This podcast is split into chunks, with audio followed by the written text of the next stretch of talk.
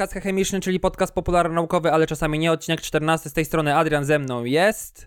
Cóż to było za ekspresowe wprowadzenie? Jestem Patryk, cześć, dzień dobry. Bo ja chciałem, ja, ja, w tym, ja, w ty, ja w tym momencie chciałem, wiesz, żeby się przejechały na tym wszystkie osoby, które słuchają na prędkości, wiesz, półtorej, dwa i tak dalej, żeby teraz musiały cofać i zmniejszyć sobie na prędkość regularną. To ja, to ja, ja zawsze wszystko słucham na, przynajmniej te dwa razy szybciej, no.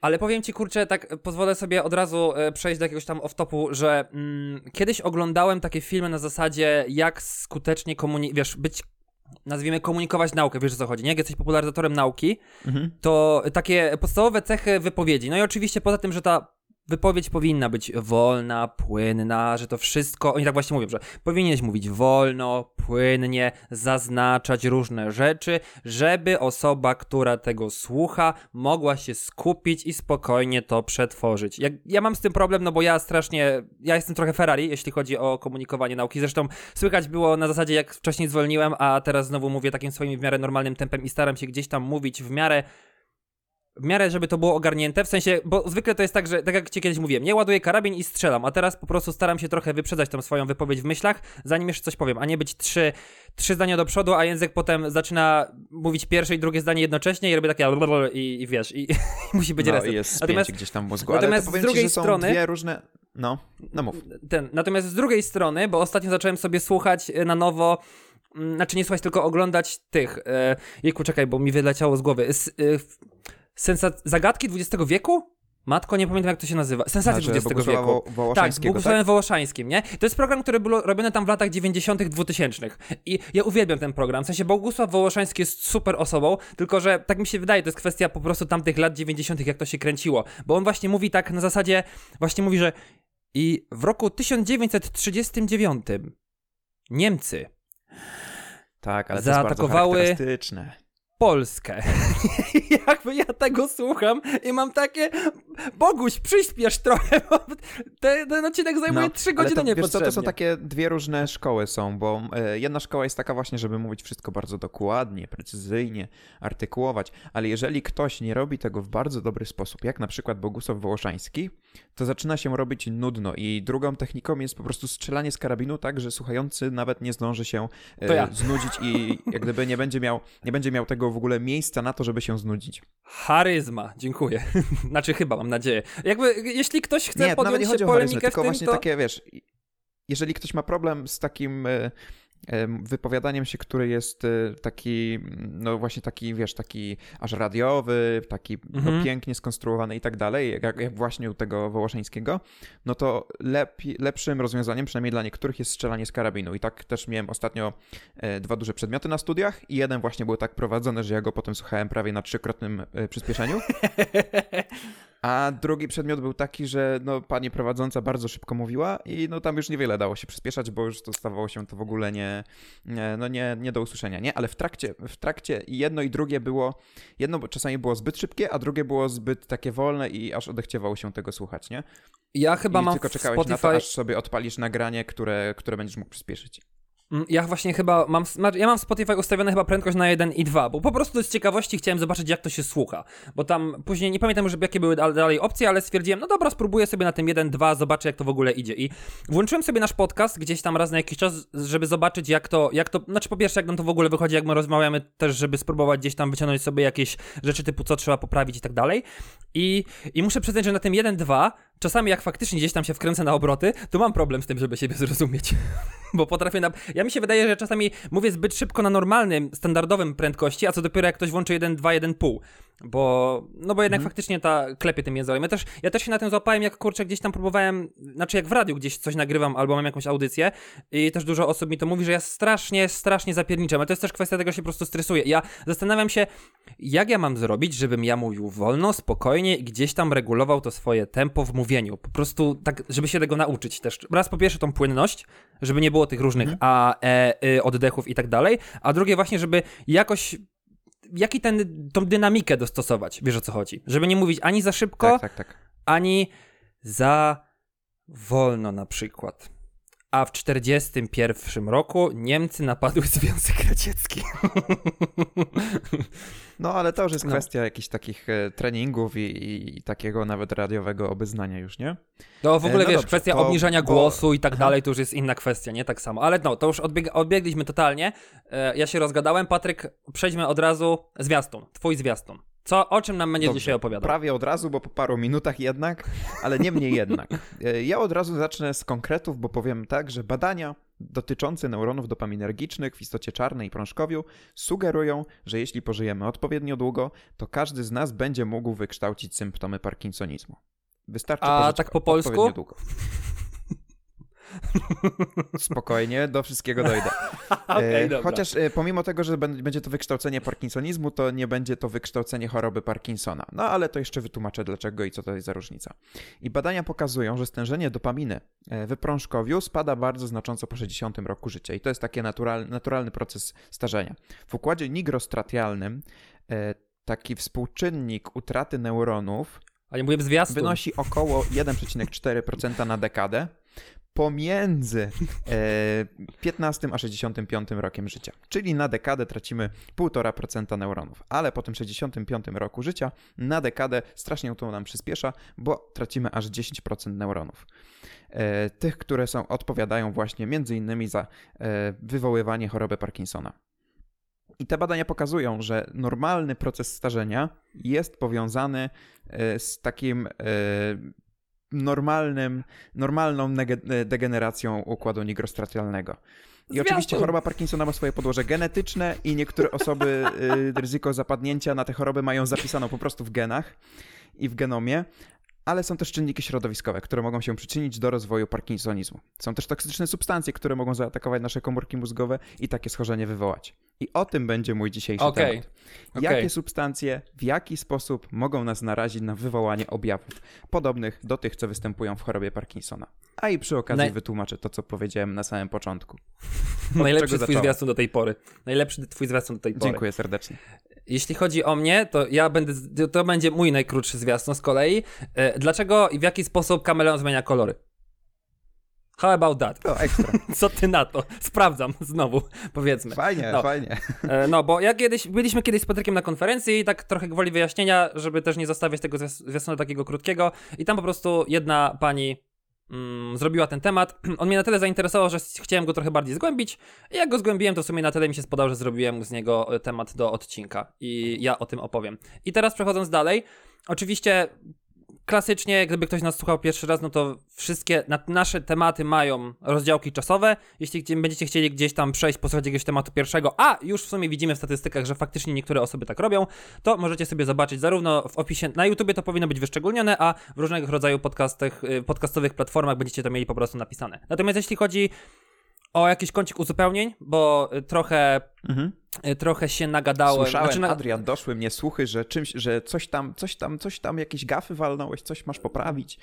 Dwie, Słucham, dwie słucham. gafy zrobiłem. Dwie gafy. Pierwsza to jest taka, że e, chyba powiedziałem, znaczy ja tego nie weryfikowałem, bo zapomniałem, e, że PET to politereftalan etylenu i to jest w ogóle, uwaga, od Krzyśka, Krzysiek do mnie napisał, w ogóle swoją drogą Krzysiek do mnie napisał, że nie wiedział czy napisać, no piszcie, nie? W sensie nie wstydźcie się, o to chodzi w tym podcastie. To jest podcast popularno-naukowy, my też nie jesteśmy jakimiś super naukowcami, znaczy w ogóle nie jesteśmy naukowcami, ale ten, ale w sensie nasz staż jest tak mały, że no mamy prawo te błędy popełnić. Inna kwestia, że to jest przecież nagrywane cały czas na żywo i bez jakiegoś tam, nie wiem, skryptu scenariusza specjalnego, więc e, ludzką rzeczą jest się pomylić, taką mam wymówkę. No, więc jak coś to PET to politereftalan etylenu, natomiast tu jest faktycznie moja gapa, to e, powiedziałem, że pierwsze powiedziałem, że w, że te ubrania emitują promieniowanie chyba w bliskiej podczerwieni, e, a one w dalekiej i to jest nie NIR, tylko FIR, czyli far infrared i to jest pierwszy błąd, który powiedziałem. Natomiast drugi błąd, który powiedziałem, to jest to, że powiedziałem, że e, jak one te ubrania już konwertują tę energię, to one konwertują ją do e, dłuższych fal, co oznacza krótszych fal, co oznacza dłuższą energię. W sensie chodzi o to, że jest na odwrót, bo jakby w spektroskopii jest tak, że im dłuższa fala, ty, tym krótsza energia. No, jakby za to powinno mi być wstyd, bo ja trochę jestem spektroskopistą, nazwijmy to z wykształcenia, więc tutaj dziękuję bardzo Krzysztof, to jest bardzo, bardzo słuszna uwaga i, i zapamię zapamiętajcie, jeśli chodzi o szereg promieniowania, dłuższa fala, krótsza Stop. Mniejsza energia. Tak, dłuższa energia, fala, mniejsza, mniejsza, energia. tak, mniejsza energia, tak. No, zresztą w ogóle temat jednostek, jeśli chodzi o energię, to jest porąbana sprawa, nie? W sensie samej spektroskopii, bo masz tak, masz nanometry, masz centymetry od, odwrotne, są kiloelektronowolty, w ogóle elektronowolty, nie wiem, jakby o, o jednostkach, ale w takim ujęciu na Tak, zasadzie, tak, tak, że do danego zjawiska można, tak, nie, że tam, wiesz, tak jak robiliśmy odcinek o, o tych, o jednostkach, że tam, nie wiem, e, odległość, jaką przechodzi renifer bez, bez e, wody czy coś tam deseń, tylko takie faktycznie już w ujęciu takim typowo naukowym, jeśli chodzi o to, że można się zgubić co do jakiejś dziedziny. No i to jest, to są moje dwa, uzupeł, dwa uzupełnienia, natomiast teraz jeszcze chciałem uzupełnić coś a propos tematu mojego, bo w ostatnim tygodniu, jeśli ktoś nie słuchał, serdecznie zapraszam, mówiłem o zastosowaniu tak zwanych podczerwonych tekstyliów, czyli w skrócie, jeśli ktoś słucha nas pierwszy raz. To są materiały, które potrafią zaabsorbować ciepło naszego ciała, czyli promieniowanie podczerwone i przekonwertować je i oddać nam też trochę promieniowania podczerwonego, ale o dłuższej fali, czyli mniejszej energii e, i w związku z tym e, zwiększyć nasze natlenienie i po prostu poprawić wydajność naszego organizmu. Ja się tam skupiałem przede wszystkim na kwestii takiej typowo sportowej, wytrzymałościowej, wydolnościowej, natomiast udało mi się jeszcze w międzyczasie znaleźć badania, w którym badano, w którym sprawdzano, jak prześcieradła właśnie z tymi mm, materiałami z kategorii CWIR, czyli ceramik, far, infrared, czyli tymi, tymi minerałami, które potrafią tam, nazwijmy to, modulować to promieniowanie podczerwone, jak one wpływają na, nas, na nasz sen. I teraz wyglądało to tak, że mieliśmy 30 osób, które brało udział w tym badaniu. Oni mieli po prostu spać. E, Takie było ich zadanie, przy czym pierwsze dwa tygodnie spali na e, swoich własnych prześcieradłach. Było wyrobienie próby kontrolnej, czyli tych takich warunków, jak oni śpią, jakie mają tam parametry i te osoby musiały, miały pewne zastrzeżenia. To nie był tam pierwszy lepszy, pierwsza lepsza osoba z łapanki, tylko musiała mieć aktywny tryb życia, przynajmniej dwóch do pięciu ćwiczeń e, w tygodniu i gdzie ćwiczy przynajmniej godzinę na jedną sesję. Chodzić spać między 21, 24 i stawać między 5 a 8 rano, no żebyśmy mieli taką mniej więcej taką, wiesz, stałą grupę. E, brak pracy zmianowej, czyli nie było, nie wiem, na popołudnie, na nocki, no bo to strasznie, bo to potrafi rozwalić nam trochę ten cykl dobowy, jeśli chodzi o sen. Nie używać środków nasennych, pić mniej niż 4 kawy dziennie i mniej niż 2 napoje alkoholowe dziennie. Wow.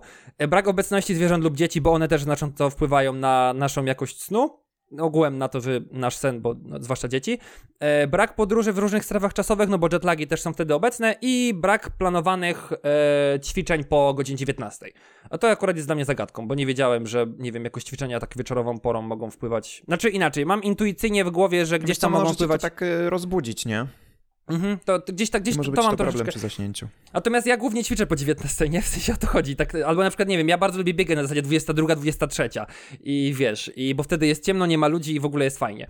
Więc jakby trochę mnie zastanowiło, czy ja w ogóle dobrze robię, czy ja sobie sam nie szkodzę na przykład, bo ja mam trochę problemów ze snem i może to jest jedna z tych przyczyn. Natomiast, jeśli chodzi o wyniki, no i tak, i oni przez te pierwsze dwa tygodnie spali na swoim prześcieradle, później przez 5 tygodni spali na tym takim zmodyfikowanym i to zmodyfikowane prześcieradło polegało na tym, że ono miało barwniki z tymi minerałami. To nie było tak, że ono było zrobione z takiego materiału, bo to była normalna bawełna, a jak wiecie z poprzedniego, znaczy inaczej. A poprzedni, w poprzednim odcinku mówiłem, że te materiały, które były domieszkowane tymi minerałami, to były materiały syntetyczne, czyli jakieś polimery, e, a tutaj było to w farbach. E, I teraz tak, i po tych pięciu tygodniach uczestnicy jeszcze spali przez tydzień później na tym swoim starym prześcieradle, żeby zobaczyć, znaczy na tym, co używają zawsze, żeby zobaczyć, czy te zmiany, które jeśli wystąpiły, to czy się utrzymały, ewentualnie czy zanikły. I teraz jeśli chodzi o wyniki, to mamy tak, że osoby, które spały po przestawieniu się na to lepsze prześcieradło, nazwijmy to takie zmodyfikowane, pacjenci mieli mniej objawów bezsenności, mieli rzadsze drzemki w porównaniu z grupą kontrolną i też ogółem, jeśli chodzi o takie ankiety na zasadzie pytania, jak się czujesz i tak dalej, no to wtedy ankietowani mówili, że ogółem po prostu czuli, że śpią lepiej. Więc można wnioskować, że to działa, a przy okazji badania też pokazują, że te wszystkie efekty, czyli o tych, które powiedziałem wcześniej, zniknęły zaraz po tym, jak uczestnicy przerzucili się na swoje stare prześcieradła znowu. Więc możemy wnioskować, że to faktycznie działa. Jeśli chodzi o jakieś tam y, mechanizmy, hipotezy, to generalnie za dużo tego nie ma. Póki co to jest dalej w kwestii badań. Jest to związane prawdopodobnie z tym, że właśnie podwyższa się temperatura ciała trochę. Bo im wyższa, znaczy może nie, że im wyższa temperatura, ale tak mi się wydaje, że żeby zasnąć potrzebujemy pewnej takiej optymalnej temperatury, dlatego się między innymi przykrywamy kołdrą. I dlatego też na przykład ja mam taką, nie wiem, taką dziwną manierę, że jeżeli ja nie mam przykrytych ramion e, albo rąk, to ja no nie zasnę. Ja czasami potrafię spać w bluzie. Mimo, że mam taką piżamę, wiesz, z długim To już rękawem. są Nie, jakieś takie przyzwyczajenia, maniery i tak dalej, ale y, kwestia może być też taka, że no, jeżeli śpimy i jest dla nas temperatura nieoptymalna, to nasz organizm musi w jakiś sposób pracować, w jakiś sposób uwolnić ciepło, wypracować tą energię, wypracować to ciepło, tak żebyśmy dalej mogli sobie spać w tej e, optymalnej temperaturze. No to jest obciążenie, to jest znowu praca, to trochę podobnie jak, nie wiem, ktoś będzie jadł bardzo obfitą kolację przed snem, nie? No to wtedy Mhm, jego tak. organizm weź nie trawi, a tutaj jeżeli będzie za zimno, no to organizm musi się sam dogrzewać i to zużywa jego energię i zmusza go do pracy i tak dalej, a powinien odpoczywać w tym czasie organizm. Dokładnie. I też tutaj jest, jest taka ważna uwaga, bo y, tutaj te osoby, które brały udział, jak mówiłem wcześniej, one prowadziły w miarę aktywny tryb życia. I to były osoby, które już teoretycznie powinny mieć same lepszy sen, bo gdzieś tam dbały o siebie, nie? Bo jak się ćwiczy, tam nie wiem, dba o dietę, wiesz, i tak dalej, no to wtedy się ten sen po poprawia. I oni mieli jeszcze lepsze wyniki snu. Więc dla takiej osoby, takiego przeciętnego Kowalskiego zakładam, że też jakieś tam wyniki powinny być spoko. E, Znaczy poprawione w sensie, natomiast yy, tak jak mówię, te wyniki to są póki co hipotezy, bo też na przykład nie badano stężenia tych tlenków azotu, które odpowiadają za rozszerzenie się naczyń krwionośnych, nie badali zmian temperatury skóry, nie badali zmian przepływu krwi w skórze, czyli tego natlenowania między innymi, no i też nie, nie analizowano też warunków, w sensie jaka jest temperatura w sypialniach, jaki jest poziom hałasu, jakie jest środowisko życia, no i właśnie czy te zmiany temperatury występują na zasadzie tylko, nie wiem, w górnych partiach ciała, czy to jest całościowo w całym obwodzie, czy tylko na przykład w dolnych partiach ciała i tak dalej. I na sam koniec jeszcze tak na szybko, jeśli chodzi o cenę takiego prześcierada, bo znalazłem, ono jest już nie przez Under Armour, ale przez Ciliant wyprodukowywane i jak znalazłem jeden gdzieś tam artykuł, bo też przyznam szczerze, że nie, nie, nie szukałem tego jakoś za mocno, znalazłem takie prześcieradło za 300 dolców. Więc no, to, to. Znaczy inaczej. Jeśli chodzi o taki. Jeśli ktoś zaczyna wchodzić w temat spania, na zasadzie wiesz, chce sobie kupić porządne, porządny materac przede wszystkim, porządne łóżko, czyli ramę do łóżka. To te 300 dolarów to się wydaje, wiesz, jak 10 złotych. Bo dobre materace to No potrafią właśnie, w kilka tysięcy jest, kosztować, y, nie?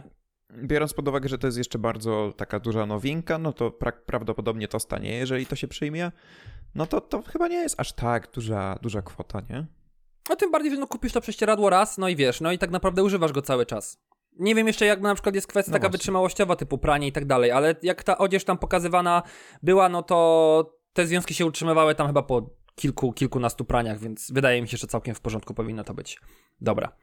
I to było tyle, jeśli chodzi o mój kącik uzupełnień. Zrobił się trochę dłuższy niż myślałem, ale tyle z mojej strony. Patryk, oddaję ci głos. Możesz przechodzić do swojego tematu. Proszę cię, wyjaśnij to wszystko, co powiedziałeś wcześniej. No dobrze, to wracajmy do choroby Parkinsona, e, do tej e, też całej toksykologii, która może doprowadzić nas do parkinsonizmu i żeby tak sensownie już teraz zacząć i żeby to miało ręce i nogi, no to warto wytłumaczyć, czym jest choroba Parkinsona. Choroba Parkinsona jest to choroba zwyrodnieniowa, inaczej neurodegeneracyjna, która powoduje uszkodzenie i obumieranie komórek mózgowych, ale nie byle jakich, bo przede wszystkim komórek mózgowych, które znajdują się w części mózgu zwanej jako e, istota czarna. Taka to jest ładna nazwa, substancja nigra. Bierze się to z tego, że ten obszar e, w mózgu faktycznie jest ciemny. Tam są takie e, tak zwane neuromelaniny, one mają, pełnią parę funkcji, są substratem do produkcji neuroprzekaźników, ale też pełnią funkcje ochronne dla tego regionu, ale to jeszcze troszeczkę o tym więcej opowiem. No mów. E, A powiedz mi tylko jeszcze raz, w jakiej to jest części mózgu? Istota Tak. czarna się nazywa, ta, te, te Ale neurony, gdzie? które Ale są gdzie jest? przekazane w... Aha, bo to są po prostu neurony, tak? Dobra. Bo to jest, chodzi mi na zasadzie, tak jak Tak. wiesz, jest izota szara, czyli te takie główne, e, nazwijmy to, Jezus, Mhm. nawet nie wiem jak to nazwać. Dobrze, wiesz no to to jest we, we, mhm, to, nie, to nie jest kora mózgowa, tylko to jest Mhm. wnętrze mózgu. Okej, środku dobra. gdzieś. Właśnie, to nie kora zewnątrz. To nie są te, tam Okej. jak, jak, jak sobie wyobrażamy mózg, to nie jest żaden, z żaden z tych wygibasów tam e, na, na zewnątrz mózgu, nie? Tylko gdzieś to jest Mhm. w środku schowane. E, to jest układ piramidowy, coś tam, coś tam. E, no dobrze. No i te e, neurony, te neurony z istoty czarnej, z substancji nigry, one są odpowiedzialne za produkcję jednego z najważniejszych neuroprzekaźników w naszym mózgu, są odpowiedzialne za produkcję dopaminy. I celem tych, e, tych, te, tego neuroprzekaźnika jest przekazywanie sygnałów pomiędzy istotą czarną a ciałem prążkowanym, i te sygnały mają takie znaczenie, e, one e, kontrolują nasz ruch mięśni oraz koordynację ciała, która jest zależna od naszej woli. Czyli uszkodzenie tych neuronów może nam powiedzieć, że będziemy mieć problem z ruchem mięśni, jak i z koordynacją. No i objawami tej choroby Parkinsona są przede wszystkim to, co sobie możemy tak klasycznie e, wyobrazić i, i tak, no, jak gdyby wyobrażamy sobie pacjenta z chorobą Parkinsona, no to pierwsze, co nam przychodzi do głowy, to drżenie rąk. Bardzo takie e, klasyczne i charakterystyczne e, i, no taki częsty obwiat, o, e, objaw i jeden z pierwszych. Szczególnie jest to uwidocznione w trakcie spoczynku, a mniej widoczne podczas e, ruchu. Potem drganiom ulegają inne części ciała, Potem następuje również usztywnienie mięśni, pojawia się jakaś taka pewna niezgrabność, mm, gorsza koordynacja ruchowa, także takie spowolnienie ruchów i trudności w inicjowaniu też mm, poruszania się, czyli inicjowaniu jakiegoś ruchu, podnoszenia rąk, poruszania się i tak dalej. Także choroba, e, osoba z zaawansowaną dosyć już chorobą Parkinsona e, też bardzo takimi drobnymi kroczkami się porusza. Mm, charakterystyczne jest również pochylenie sylwetki do przodu, pewne trudności wsta ze wstawaniem, jak i zaburzenia równowagi. I co ciekawe, by te objawy były widoczne, obumrzeć musi około 85% komórek wytwarzających dopaminę. Czyli aż do tych 85% y, y, uszkodzeń mm, nasz mózg ma takie zdolności y, jak gdyby kompensacyjne. On może sobie to aż musi, musi obumrzeć aż 85% komórek, by objawy były widoczne, nie? Mhm. A powiedz mi tylko, e, jeszcze się trącę. Mhm. E. Bo to jest ta, ale zakładam, że te komórki się w jakiś sposób, nie wiem, tworzą, regenerują i tak dalej, tylko po prostu ten stopień degeneracji jest szybszy niż stopień odbudowywania tego, nie? Czy można w jakiś sposób tam, nie wiem, e, próbować te neuro komórki mózgowe praktycznie w ogóle, w, jest kilka obszarów, gdzie komórki się regenerują, ale mózg jest o tyle charakterystyczny, że komórki, jeżeli tam obumierają, to obumierają na stałe. Okej. Okay. Nasz mózg nie wytwarza, już w pewnym wieku nie wytwarza nowych, e, nowych neuronów, ale przez to no, może zapytać, no dobra, ale uczymy się i tak dalej, nasz mózg się rozwija, to tworzą się połączenia między neuronami. Czyli komórki istnieją, ale to, co się zmienia, to ich połączenia, sieć powiązań i tak dalej. Ale jeżeli jak, mhm. jakiś obszar obumrze, jeżeli jakieś komórki zaczną obumierać, to tego już e, nie zregenerujemy. A to, co Dobra. tutaj e, mówię, że musi obumrzeć to 85% komórek, by pojawiły się objawy, no to e, ta pozostała część komórek, która nie obumarła, bierze ten ciężar produkowania tej dopaminy na siebie i dlatego tych objawów jeszcze nie ma. Okay, Czyli tak, dopiero tak. gdy zostaje około 15% tych komórek, no to wtedy organizm czy te komórki już nie dają radę i pojawiają się te objawy, o których mówiłem chwilę wcześniej. No mhm. i choroba Parkinsona dotyczy y, przede wszystkim y, starszych osób. Klasyczny pacjent to jest około 60 roku życia, gdy pojawiają się objawy, i na świecie mamy około 6 milionów chorych, i przeważnie częściej e, są to jednak mężczyźni niż mm, kobiety. Chociaż nie jest to jakaś duża dysproporcja, ale jednak częściej mężczyźni ulegają e, chorobie Parkinsona. I w ciągu roku szacuje się, że e, na całym świecie kilkanaście osób na 100 tysięcy na 100 tysięcy osób zachoruje na chorobę Parkinsona. Okej, okay, no to. No, sporo. czyli jest to, jest to jakaś taka pula i, mhm. jest to dosyć taka mm, no, częsta, względnie częsta choroba. Na czym polega leczenie? Leczenie polega póki co na leczeniu samych objawów. Czyli, Mogę jeszcze jedno y, pytanie? Objaw... Mogę jeszcze pytanie? No dawaj. Przepraszam, bo mhm. y, tak teraz mi przyszło do głowy. Mówisz, że objawy się pojawiają po 60 roku życia, głównie. Tak? Tak.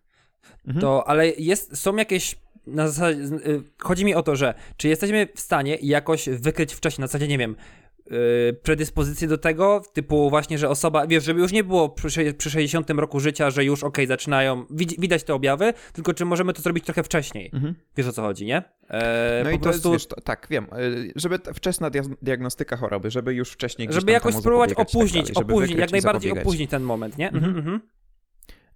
Y, no to, to będę jeszcze o, o tym sporo opowiadał, ale Kwestia jest taka, czy choroba Parkinsona jest chorobą bardziej genetyczną, czy bardziej może jakieś czynniki środowiskowe wpływają, że na to chorujemy. To jest duże pole do popisu dla naukowców i duże pole sporu, bo wykrywa, wykrywane są pewne geny, które odpowiada, które, znaczy jeżeli mamy dane geny, no to jesteśmy bardziej predysponowani do zapadnięcia na tę chorobę, chociaż nie jest to e, tak e, oczywiste. Mm, I również pewne takie czynniki środowiskowe, narażenie na pewne substancje również może powodować tą chorobę Parkinsona. No i też mówiłem w tym moim wstępie, że każdy z nas, jeżeli pożyje odpowiednio długo, to powinien wykształcić te objawy parkinsonizmu. Bo e, naturalnym jest, że w, pew no w pewnym tempie te neurony obumierają i po 65 roku życia mniej więcej bardzo to przyspiesza. I wtedy już około 10% tych neuronów, o których mówię, e, one obumierają w ciągu dekady. Czyli wystarczy pożyć odpowiednio długo i prawdopodobnie każdy byłby w stanie wykształcić te objawy. Fajnie. No okej, okay. a jeszcze będę, fajnie, a jeszcze będę o tym e, mówił, co powoduje chorobę Parkinsona i w związku z tym, jak, czy można to wykryć wcześniej, nie? E, mhm. Dobra, a teraz wróćmy jeszcze do e, leczenia.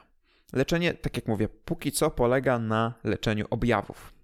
Czyli problemem jest brak dopaminy, bo obumarły komórki produkujące dopaminę. Jakie może być rozwiązanie? No, podać no dajmy dopaminę. dopaminę. Przy czym... Dwie tabletki no dziennie właśnie, no rano. No dajmy dopaminę. Popijać tylko wodą. Eee... Niegazowaną. No właśnie. I, I, trochę tak robimy, to znaczy właśnie w ten sposób leczymy objawy, no ale to nie jest leczenie przyczyny. Te komórki dalej obumierają, tylko my po prostu su suplementujemy tą dopaminę. Z tym, że nie, bo nie podajemy nigdy dopaminy, tylko podajemy, e, to jest też taki e, lek pierwszego szeregu, podajemy tak zwaną L-dopę lewodopę.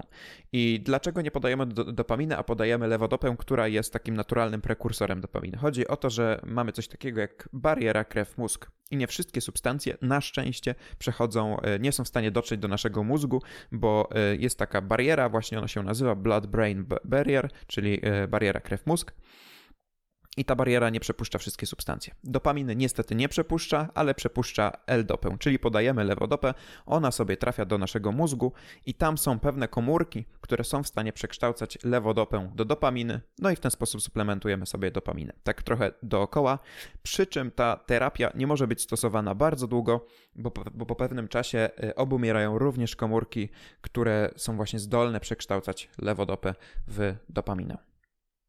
Więc taki jest problem. Więc muszą być też wdrażane inne strategie. Inną strategią może być próba hamowania rozkładu dopaminy. Czyli mamy jeszcze niektóre komórki, które produkują nam dopaminę już w niedużej ilości, więc staramy się, żeby ta dopamina była jak najwolniej rozkładana i jak najdłużej się utrzymywała w tym mózgu i jak najdłużej mogła tam funkcjonować. E, to jest jedna ze strategii, a inną ze strategii jest wprowadzanie e, pewnych zamienników dopaminy, czyli e, jakichś substancji, które miałyby podobne właściwości i działanie jak dopamina, no i to są leki z grupy agonistów dopaminy i one stymulują, mają to do siebie, że stymulują receptory dopaminowe. Mm, chociaż one też nie są, e, one są też problematyczne gdzie niegdzie i e, co cie, uwaga, ciekawostka, nagraliśmy kiedyś jeden odcinek tak zwany do szuflady, odcinek próbny i tam właśnie opowiadałem trochę więcej o agonistach dopaminy i jaki jest z nimi problem. Okazuje się, że osoby, które są e, leczone tymi związkami mogą popaść na przykład w hazard, w hiperseksualność i inne tego typu objawy. Może kiedyś Fajnie, jeszcze fajny do temat tego jest. wrócimy. Jak, nie wiem, jak będzie milion lajków, to go no, opublikujemy. milion lajków, nie, ale jakąś, taką, jakąś taką fajniejszą rocznicę czy coś takiego, to ja myślę, że można to spokojnie opublikować, bo to sobie w miarę w porządku odcinek był nawet. Taki, no. Już nie no, pamiętam. Okay. Musiał, musiałbym to przesłuchać, zanim, zanim zadecydujemy, czy, czy, czy na pewno chcemy to publikować. Ale tak, niemniej jednak to trafiło do szuflady. To ja też potwierdzam. E, no tak. dobrze. Mhm. E, to jednym z taki, takich już najbardziej zaawansowanych e, metod leczenia jest chirurgiczne leczenie. Na czym to polega? Wszczepiamy komórki do mózgu w ten dany obszar, które mają tworzyć dopaminę. No dobra, a skąd wziąć te komórki? Jedną ze strategii jest branie ich z własnego ciała, jednak to jest mało skuteczne i te komórki dosyć szybko obumierają. Można brać komórki, i tutaj jest to dosyć już bardzo e, problematyczne.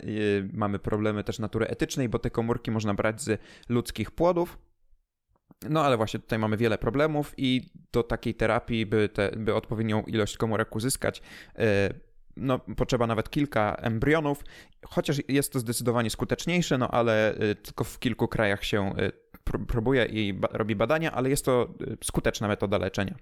Na pewno dużo bardziej skuteczna niż przeszczepianie komórek gdzieś tam z własnego ciała, mhm. które miałyby tworzyć dopaminę. No dobra, więc gdzieś omówiłem Y, jakie mamy objawy, jakie mamy leczenie, mniej więcej jaka jest y, mm, przyczyna i omówiłem również y, jak, i, i, kogo to dotyczy przede wszystkim, a jakie są powody choroby Parkinsona. Mm, przede wszystkim genetyka. Jest coś takiego jak dziedziczna wersja choroby Parkinsona. No i no tutaj nie ma się za dużo co rozwodzić. Są pewne geny w naszym ciele, jeżeli mamy odpowiednie wersje genów, no to jesteśmy bardziej predysponowani do zachorowania na tę na te chorobę. A one są bardziej recesywne Innym... czy bardziej dominujące? Jeśli wiesz? Oj, to już jest taka kwestia. Nie, nie wiem. Znaczy, okay. domyślam się, że reces recesywne. No ale tak to byśmy to pół społeczeństwa miałoby Parkinsona. Kwestia. Choroba Parkinsona nie jest klasyczną chorobą genetyczną, jak na przykład jakieś tam, no nie wiem, anemię czy coś takiego, okay. nie? Jakieś takie klasyczne choroby genetyczne, że masz dany gen i na pewno zachorujesz. Dobra. E, ale jeszcze będzie o tym. Jeszcze o tym będzie. Huh. E, innym powodem są pewne takie zmiany metaboliczne, e, bo tutaj ważnym, mm, ważnym mechanizmem jest mechanizm wolnych rodników czyli, czyli takich e, groźnych dla nas substancji, które naturalnie występują w organizmie, ale gdy mamy ich zbyt dużo, gdy w naszym organizmie są pewne zmiany metaboliczne, na przykład wskutek złej diety albo, no, albo nie wiem, jeszcze innych zmian metabolicznych, e, no to pojawia się coraz więcej wolnych rodników, one powodują uszkodzenia tych komórek, mm, bo te komórki są bardziej predysponowane do tego, by te wolne rodniki się tam pojawiały. No i gdy mamy to zaburzenie równowagi utleniaczy i przeciwutleniaczy, no to wtedy może to wystąpić, chociaż są też substancje, związki, pierwiastki, które e, uszkadzają te neurony tak bardzo selektywnie dosyć. No i jest to taki czynnik środowiskowy. I o tym chciałem więcej powiedzieć, o takiej neurotoksyczności prowadzącej do parkinsonizmu. Wspominałem we wstępie, że e, normalny proces starzenia jest związany z uszkadzaniem neuronów dopaminergicznych. Ten proces jest e, powiązany z powstawaniem wolnych rodników, no i to przed chwilą też powiedziałem. I jedną z badanych przyczyn jest, e, mm, może nie przyczyn, ale mechanizmów, jest to, jak żelazo jest powiązane z tworzeniem wolnych rodników, bo żelazo e, w naszym organizmie jest w stanie mm, tworzyć wolne rodniki poprzez tak, zwany, poprzez tak zwaną reakcję Fentona.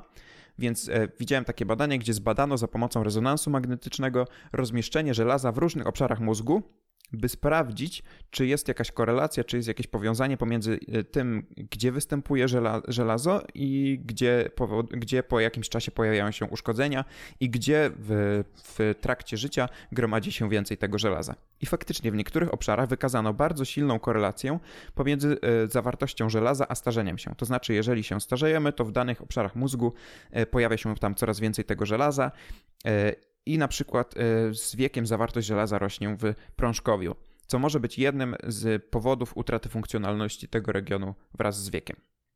Mm, I to pokazuje, że stres oksydacyjny ma bardzo ważną rolę w uszkadzaniu tych neuronów. A stres oksydacyjny, oksydacyjny y, jest powiązany przynajmniej z tym jednym metalem, chociaż nie tylko, bo będę jeszcze więcej o tym mówił. Przy czym mówimy tutaj o chorobie Parkinsona, bo ja też używam czasami zwrotu parkinsonizm i y, używam to może czasami zamiennie i może niewłaściwie, bo jaka jest różnica? Objawy choroby Parkinsona i parkinsonizmu są klinicznie praktycznie takie same, ale pochodzenie tych schorzeń jest y, inne. Parkinsonizm jest powiązany z jakimiś takimi e, urazami, e, na przykład, nie wiem, uszkodzeniem naczyń, udarem, e, urazami głowy, czy z korzystaniem z jakichś takich agresywnych farmaceutyków, czy narkotyków, czy może narażenie na pestycydy lub inne różne substancje toksyczne pochodzące ze środowiska, no. Czyli, ale to, żebym miał pewność, Parkinson i Parkinsonizm, mhm. to nie jest to samo. W sensie to nie jest, czy no, w sensie nie, na... jest choroba Parkinsona mhm. i jest schorzenie Parkinsonizm i to nie jest to samo bo one mają różne pochodzenie. Objawy są takie same mhm. i jak gdyby e, pewien skutek, czyli to ten problem z dopaminą, to to jest to, to, jest to co wiąże jedną i jedno i drugie, ale choroba Parkinsona jest bardziej chorobą e, taką Mówi się też, że jest choroba idiopatyczna, choroba Parkinsona, czyli taka o nieznanym pochodzeniu, spontaniczna. I pewne inne mechanizmy. W, Parkinson, w Parkinsonizmie z jakiegoś powodu mamy uszkodzenie, takie, taki, taki takie narażenie zewnętrzne. Jasne? A w chorobie mhm. Parkinsona mhm. to może być przyczyna jakaś taka y, bardziej naturalna, powiedziałbym. Okej, okay, czyli w sensie tak, to, to... skutki te same, objawy te same, mhm. znaczy skutki podobne, objawy podobne też te same, ale inne, inne mhm. przyczyny. Okej, okay, dobra, kumam. Mhm, mhm, mhm, mhm. I teraz tak, e, pacjenci na przykład z chorobą Parkinsona, oni mają uszkodzenie często tylko E, jednostronne. W sensie ta substancja, e, ta istota czarna jest uszkodzona tylko w bardziej po jednej stronie półkuli mózgowej. A w parkinsonizmie zazwyczaj jest to uszkodzenie takie bardziej symetryczne, tak zwane bilateralne. E, w chorobie Parkinsona zazwyczaj mamy pozytywną odpowiedź na leczenie, na terapię, a w Parkinsonizmie może tej odpowiedzi w ogóle nie być, w sensie pozytywnej, w sensie nie może, może nie być, e, no możemy próbować leczyć pacjenta i żadnej odpowiedzi nie będzie, bo mogą występować dodatkowe uszkodzenia, które sprawiają, że, że to leczenie jest nieskuteczne. I tak samo mogą występować jakieś dodatkowe objawy nieobecne w chorobie Parkinsona, ale to już jest zależne od tego, e, jaka substancja zatruła i wywołała te uszkodzenia. No bo może być tak, że po prostu jakaś substancja e, powoduje jeszcze jakieś ekstra uszkodzenia. Mhm. I jednym z mhm. najlepiej przebadanych e, związków w kontekście parkinsonizmu, parkinsonizmu jest MPTP. czyli e, metylofenylotetrahydropirydyna. I teraz Ej, tak, dlaczego ta substancja jest... A to tak nawet się rymuje. E, I teraz tak, pierwsze narażenia na te substancje były odnotowane u osób zażywających e, jakieś takie syntetyczne heroiny, czyli syntetyczne opioidy, czyli po prostu jakieś takie narkotyki, szczególnie narkotyk MPPP, czyli demetyloprodynę. Mm, I teraz tak, mówię, że osoby zażywają jakiś narkotyk, a uszkodzenie powoduje inna substancja. Jak to się dzieje? To ta inna substancja jest zanieczyszczeniem, była zanieczyszczeniem tego narkotyku. Takim produktem pośrednim w produkcji i omyłkowo, przypadkowo, e, gdy te narkotyki były e, niezbyt e, dobrej jakości, czy były po prostu nieczyste, to, to MPTP, wywołujące uszkodzenia i które było tak bardzo dobrze przebadane, znajdowało się w tym narkotyku MPPP. No dobra, to tak e, trochę e, przez, przez nazewnictwo tych narkotyków mogło to być zagmatwane, ale chyba jest już jasne, nie? Tak w miarę. Mhm, Że tak, tak. MPTP jest zanieczyszczeniem, które znajduje się w narkotyku. Jakby główny I sens jest poza zachowany. Tymi narkotyk... mhm. Poza tymi narkotykami raczej mało jest możliwości, żeby w ogóle mieć narażenie jak, kiedykolwiek, jakkolwiek na ten związek, na to MPTP. Więc Super. dlaczego był, jest to tak ważne i dlaczego tak bardzo przebadane? Jeżeli tylko nie bierzemy tej e, syntetycznej, syntetycznej, tej konkretnej syntetycznej heroiny, no to nie jesteśmy narażeni na, ten, na te substancje. Dlaczego to było takie ważne w związku z tym? W ogóle wyobrażam Badania sobie reklamy teraz, nie? Na, na tych, na jakichś tam portalach, nie czy tam forach dla narkomanów. Y, Heroina wolna od MPTP, nie coś tam. Mamy ale certyfikat jakości. taka- tak, tak. I to tylko jedna konkretna substancja była zanieczyszczona tym, gdzieś tam kiedyś tam. E, I badania nad tym związkiem e, po raz pierwszy pokazały, że czynniki środowiskowe mogą mieć wpływ na rozwój idiopatycznej choroby Parkinsona. Idiopatycznej, czyli takiej spontanicznej o nieznanym pochodzeniu. I to było e, jak gdyby. E, Mówimy o latach chyba 70., z tego co pamiętam, więc wtedy jeszcze zupełnie było niejasne, jakie jest po- podłoże choroby Parkinsona i znaleziono substancję, która powoduje coś takiego, co wygląda jak choroba Parkinsona. Więc, y, mm, bo zarówno objawy, jak i obraz uszkodzeń był bardzo podobny do tej y, u osób, które nie stosowały tej substancji, a mm, były chore na chorobę Parkinsona, nie? Tak samo był to pierwszy związek, który prowadził do parkinsonizmu podczas badań na zwierzętach. Czyli mamy coś, co powoduje parkinsonizm, czy, czy objawy i, i uszkodzenia podobne do choroby Parkinsona. I okazuje się, że to MPTP metabolizuje do pewnej substancji, która się, to jest kation, nazywa się MPP+, przy wykorzystaniu enzymu monoaminooksydazy typu B, czyli MAO-B. I teraz tak, dlaczego o tym mówię? To jest bardzo skomplikowane, ale jednak o tym mówię, więc muszę mieć jakiś do tego powód. E, bo okazuje się, że przy przemianie tej, tej toksycznej substancji, tej MPTP, ona metabolizuje do tego jakiegoś tam metabolitu, MPP+, przy użyciu jakiegoś tam enzymu i okazuje się, że temu, e, temu procesowi towarzyszy produkcja wolnych rodników. I to one powodują uszkodzenia. Czyli wygląda to tak, że MPTP trafia do obszaru mózgu, e, gdzie mamy te neurony e, dopaminergiczne, tam metabolizuje do jakiegoś tam metabolitu, który ma nazwę MPP+, przy wykorzystaniu i musi być obecny ten enzym monoaminooksydaza typu B, czyli inaczej MAOB. E, I wtedy tworzą się wolne rodniki, wolne rodniki powodują uszkodzenia. Stąd pomysł na to, by leczyć chorobę Parkinsona stosując inhibitory, czyli coś, co powstrzymuje działanie tego enzymu. Inhibitory MAOB. I faktycznie jest to metoda e, leczenia, jest to jed- jeden ze sposobów leczenia e, choroby Parkinsona. Co ciekawe, inne inhibitory MAO to jest w ogóle szeroka dosyć grupa farmaceutyków, leków i ten związek dlatego jest tak bardzo przebadany, bo też się przyczynił do tego, by wprowadzać i opracowywać te, te leki, te inhibitory MAO, bo stosuje się na przykład je jako antydepresanty w niektórych przypadkach. Ale to już jest wtedy, wydaje mi się, że są to inhibitory monoaminooksydazy, ale typu A. Niemniej jednak e, ta substancja przyczyniła się do wielu różnych, e, mm, do zrozumienia wielu różnych mechanizmów, które dzieją się w naszym organizmie, a precyzyjniej w mózgu. I, i pozwoliły na przykład opracować jedną z metod leczenia choroby Parkinsona, która jest w niektórych wypadkach skuteczna. Mm, I też badania nad tym MPTP przesunęły szalę debaty, e, która dotyczyła tego, czy bardziej geny, czy bardziej środowisko e, powodują mm, chorobę Parkinsona. No i ta, te badania przesunęły szalę w stronę, e, w stronę środowiska, w stronę tych czynników zewnętrznych.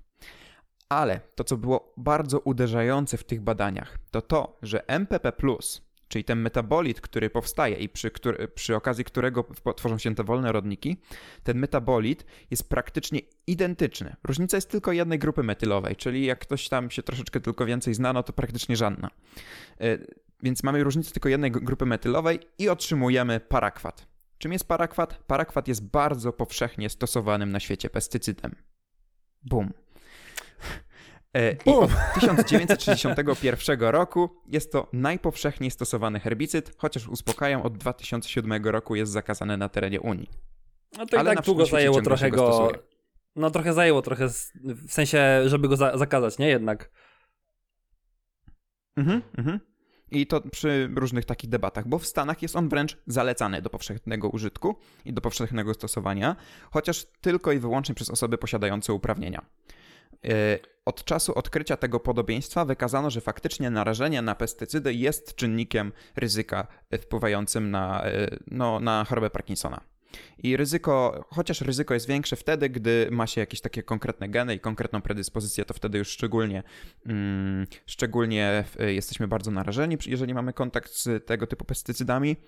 I mówi się, że jeśli chodzi o chorobę Parkinsona, to jest tak, że genetyka ładuje broń, ale to środowisko pociąga za spust. Ach, jak to jest pięknie Fajnie, powiedziane, kurde. No wow. właśnie. No mhm. właśnie. E, no i w związku z tym, że ten parakwat jest dosyć niebezpieczną substancją, no to w Stanach ma dodany taki e, silny, znaczy taki niebieski barwnik o takim bardzo silnym zabarwieniu. Również mamy tam substancje powodujące bardzo intensywny zapach, który ma być taki ostrzegawczy, jak i również znajdują się tam substancje, które miałyby wywoływać wymioty. A to dlatego, że ekspozycja na te substancje, jak już badania pokazują, jest głównie przez połknięcie. Czyli połykamy te substancje, czy to przypadkowo, omyłkowo, czy, przez, e, czy jako próbę samobójczą, no i, w ten sposób e, narażamy się na parakwat. E, chociaż też może być szkodliwe przy długotrwałej inhalacji i przy, te, przy długotrwałym narażeniu na, na skórę, na kontakt tej, tej substancji ze skórą. I co ciekawe, w latach 70. Rząd USA chciał pomóc Meksykowi w zwalczaniu upraw marihuany i, i maku. Ojej. I? No i faktycznie był taki specjalny program i z helikopterów spryskiwano pola właśnie parakwatem. Ale co się okazało, niedługo później na rynku USA wykrywano marihuanę, która zawierała w sobie ten parakwat, więc bardzo szybko się wycofano z tego, z tego programu. Bo parakwat jest bardzo. Jego stosujemy dlatego, że jest przede wszystkim tani i bardzo skuteczny. Mhm. I, a chociaż jest nieselektywny, to nie jest tak, że tylko nam na przykład e, jakieś pokrzywy zniszczy, tylko wszystkie rośliny niszczy, czy jednoliścienne, czy dwuliścienne, wszystkie rośliny bardzo chętnie niszczy. E, chociaż e, jeżeli chodzi o to, o to, że ten parakwat się pojawił gdzieś tam na, w marihuanie, no to nie wiadomo, czy z tego powodu były jakieś zatrucia, to jest jeszcze jakiś tam przedmiotem debat i, i to nie do końca jest jasne, czy jakieś faktycznie negatywne skutki były. Niemniej jednak, gdy tylko to odkryto, to bardzo szybko z tego programu się wycofano. Ale też ten parakwat, e, pozwolę no. ci się wtrącić, on e, zakładam, z tego co mówisz, że on zostaje dosyć mocno w tych roślinach, w sensie on tam wchodzi gdzieś tam w strukturę, nie? Coś takiego o to chodzi, nie? Że nie tak, że na zasadzie, nie wiem, kupujemy sobie jabłko no i wiesz, i wystarczy go opłukać i mhm. jest git, nie? Czy, czy jak to działa? Właśnie on, przez to, że niszczy rośliny, on jest tak bardzo aktywny, na przykład gdy on trafia na glebę, to bardzo szybko ulega degradacji. Okej. Okay. I on w teorii jest bezpieczny do stosowania, no bo faktycznie stosuje się go na świecie. U nas było to kontrowersyjne, więc go zakazano, ale naprawdę jest powszechnie stosowany. W sensie u nas w Unii Europejskiej, nie? Mhm. Więc y, czy zostaje, czy nie. Na, na, przykład była kwestia taka, że podobno jeżeli palono tą marihuanę, no to on wtedy ulegał degradacji i praktycznie nie był ściągany. Ale też inni twierdzili, że a wcale nie i jednak było to narażenie, nie? Okay. Także no.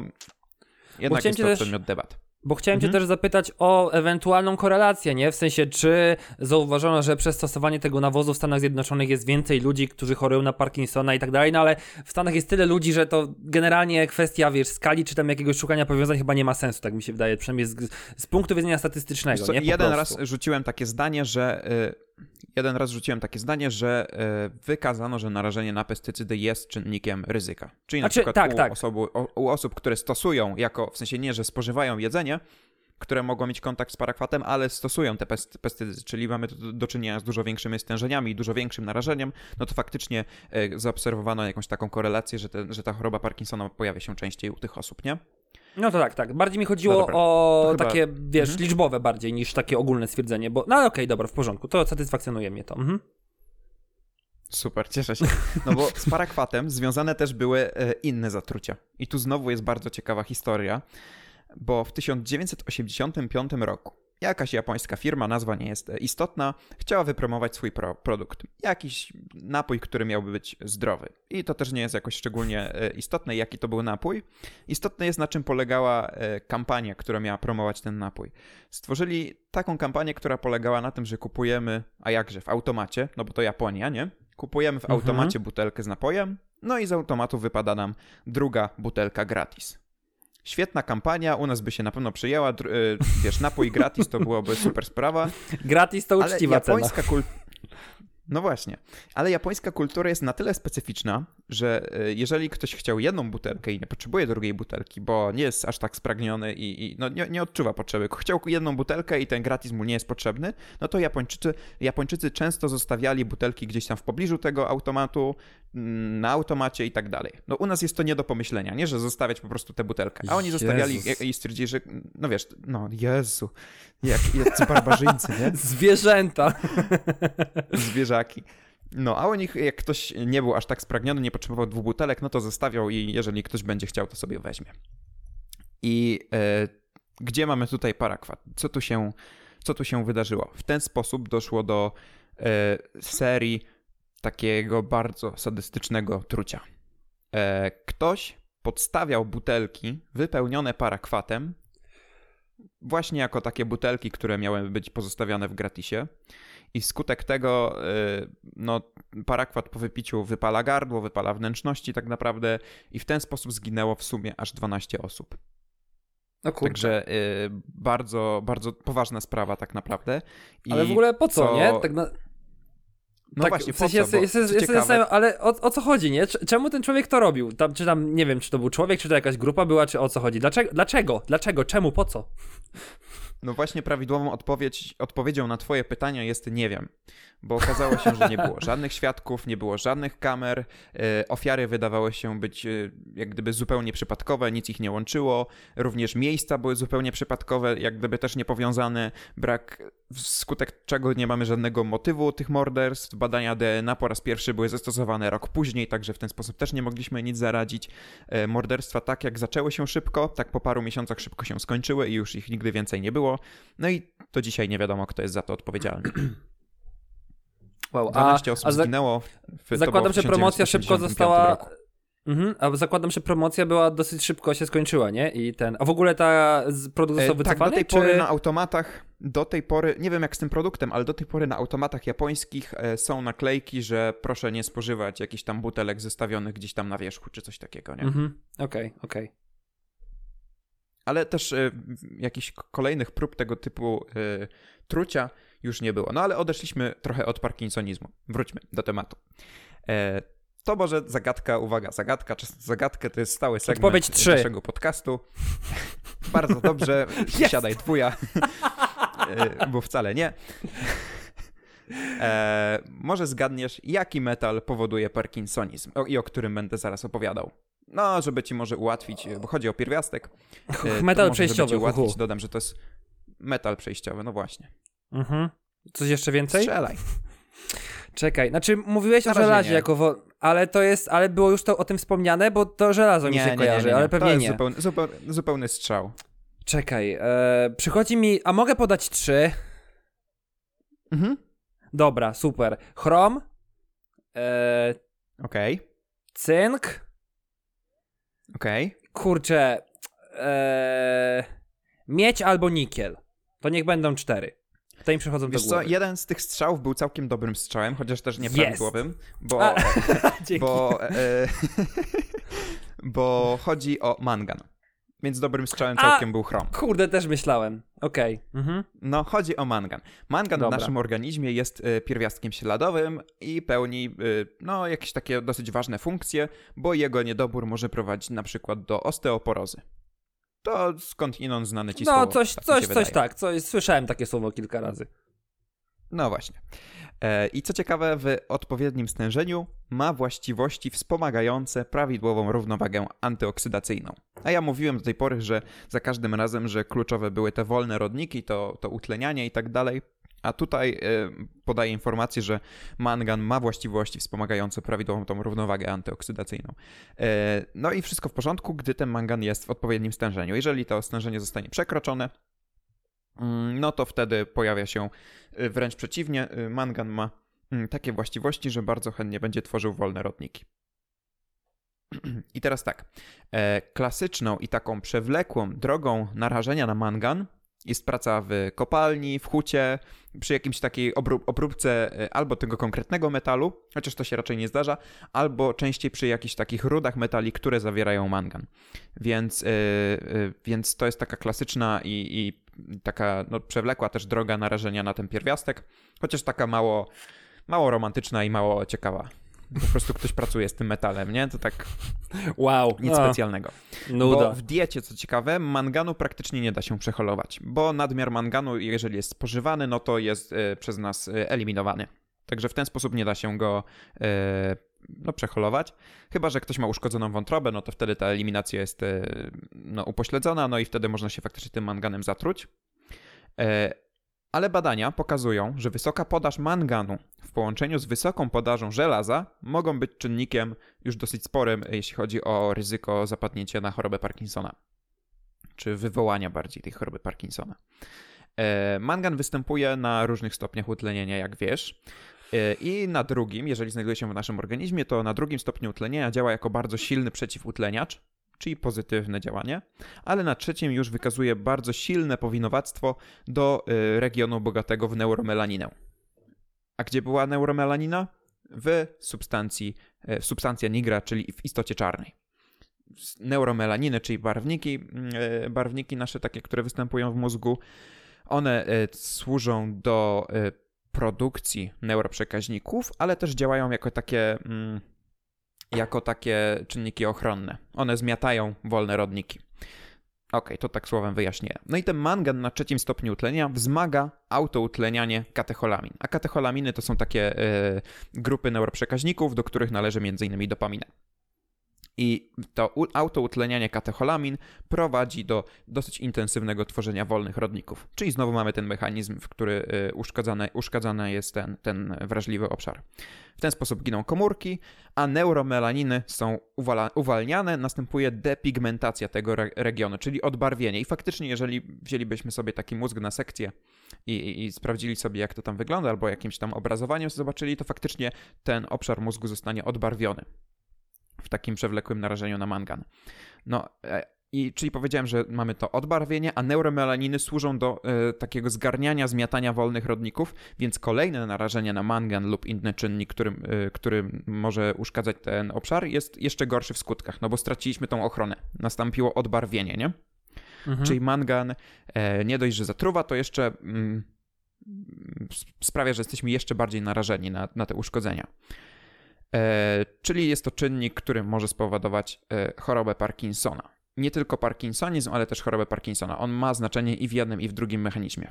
Oczywiście Parkinsonizm jest wtedy, gdy mamy jakieś takie bardzo y, mm, nagłe, ostre uszkodzenie. I, ale jeżeli jest ten mangan, na przykład y, taki suplementowany w diecie i tak dalej, gdy mamy wysoką podaż samego manganu z na przykład żelazem, no to wtedy też osoby takie, które mają dietę bogatą w mangan, w żelazo, to są bardziej narażone na zapadnięcie na chorobę Parkinsona.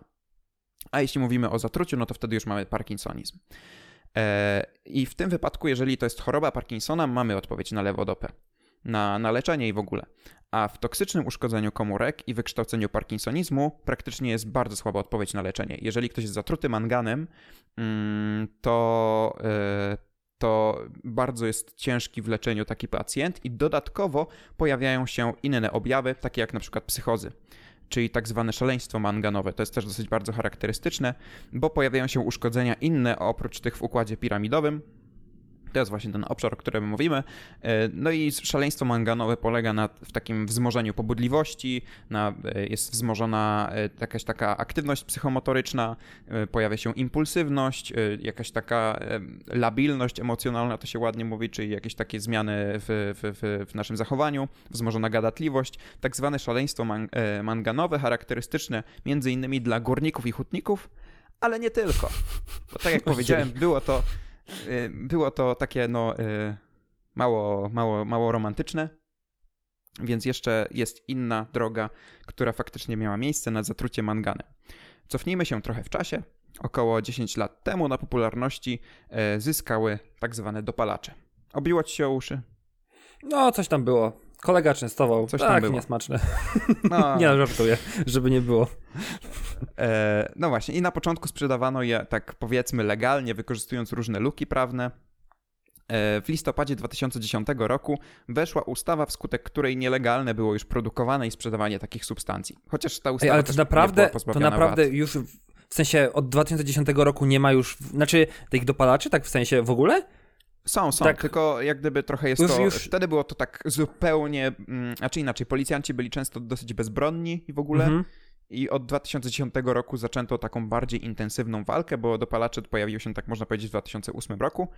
W Polsce, no może od następnego roku, od 2009 i w 2010 weszła taka jedna ustawa, która miała e, trochę pomóc w walce z tym i właśnie nielegalne było produkowanie, sprzedawanie takich substancji, chociaż to ciągle było jakoś tam obchodzone.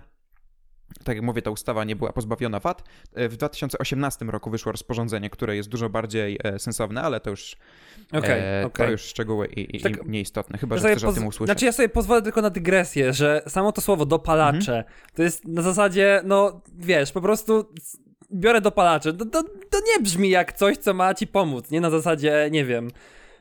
Przynajmniej no tak. mnie Naukowo się... mówi się o nowych substancjach psychoaktywnych, Mhm. NPS. Okej. Nie, bo dla mnie po prostu to jest, to jest coś na zasadzie, jakbyś powiedział narkotyki, tylko tak trochę, wiesz, tak troszkę mm, z takim, e, jakby to powiedzieć, nie aż tak agresywnym nasta- nastawieniem, czy tam znaczeniem, wiesz o co chodzi, no dopalacze po prostu, że niby ma ci pomóc, nie, ale sama nazwa dla mnie jest taka zbyt, mm, że to jest coś, co śmierdzi. Ja się zawsze śmieję na przykład na Mhm. W zasadzie, nie wiem, nazwisk... mówi się o...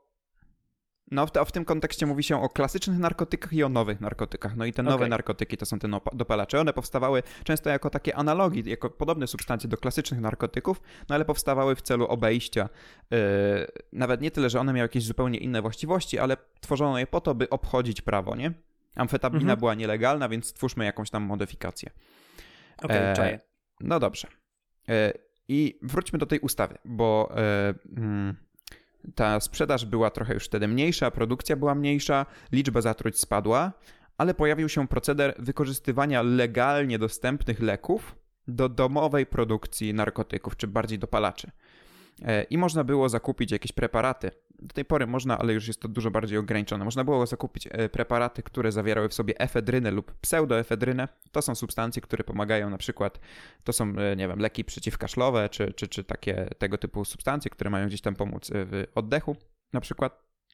E, No i można efedrynę lub pseudoefedrynę e, przeprowadzić do efedronu, czyli tak zwanego metkatynonu, jednego z syntetycznych katynonów. Syntetyczne katynony są to dopalacze, jedna z takich najbardziej popularnych grup dopalaczy. E, No tak.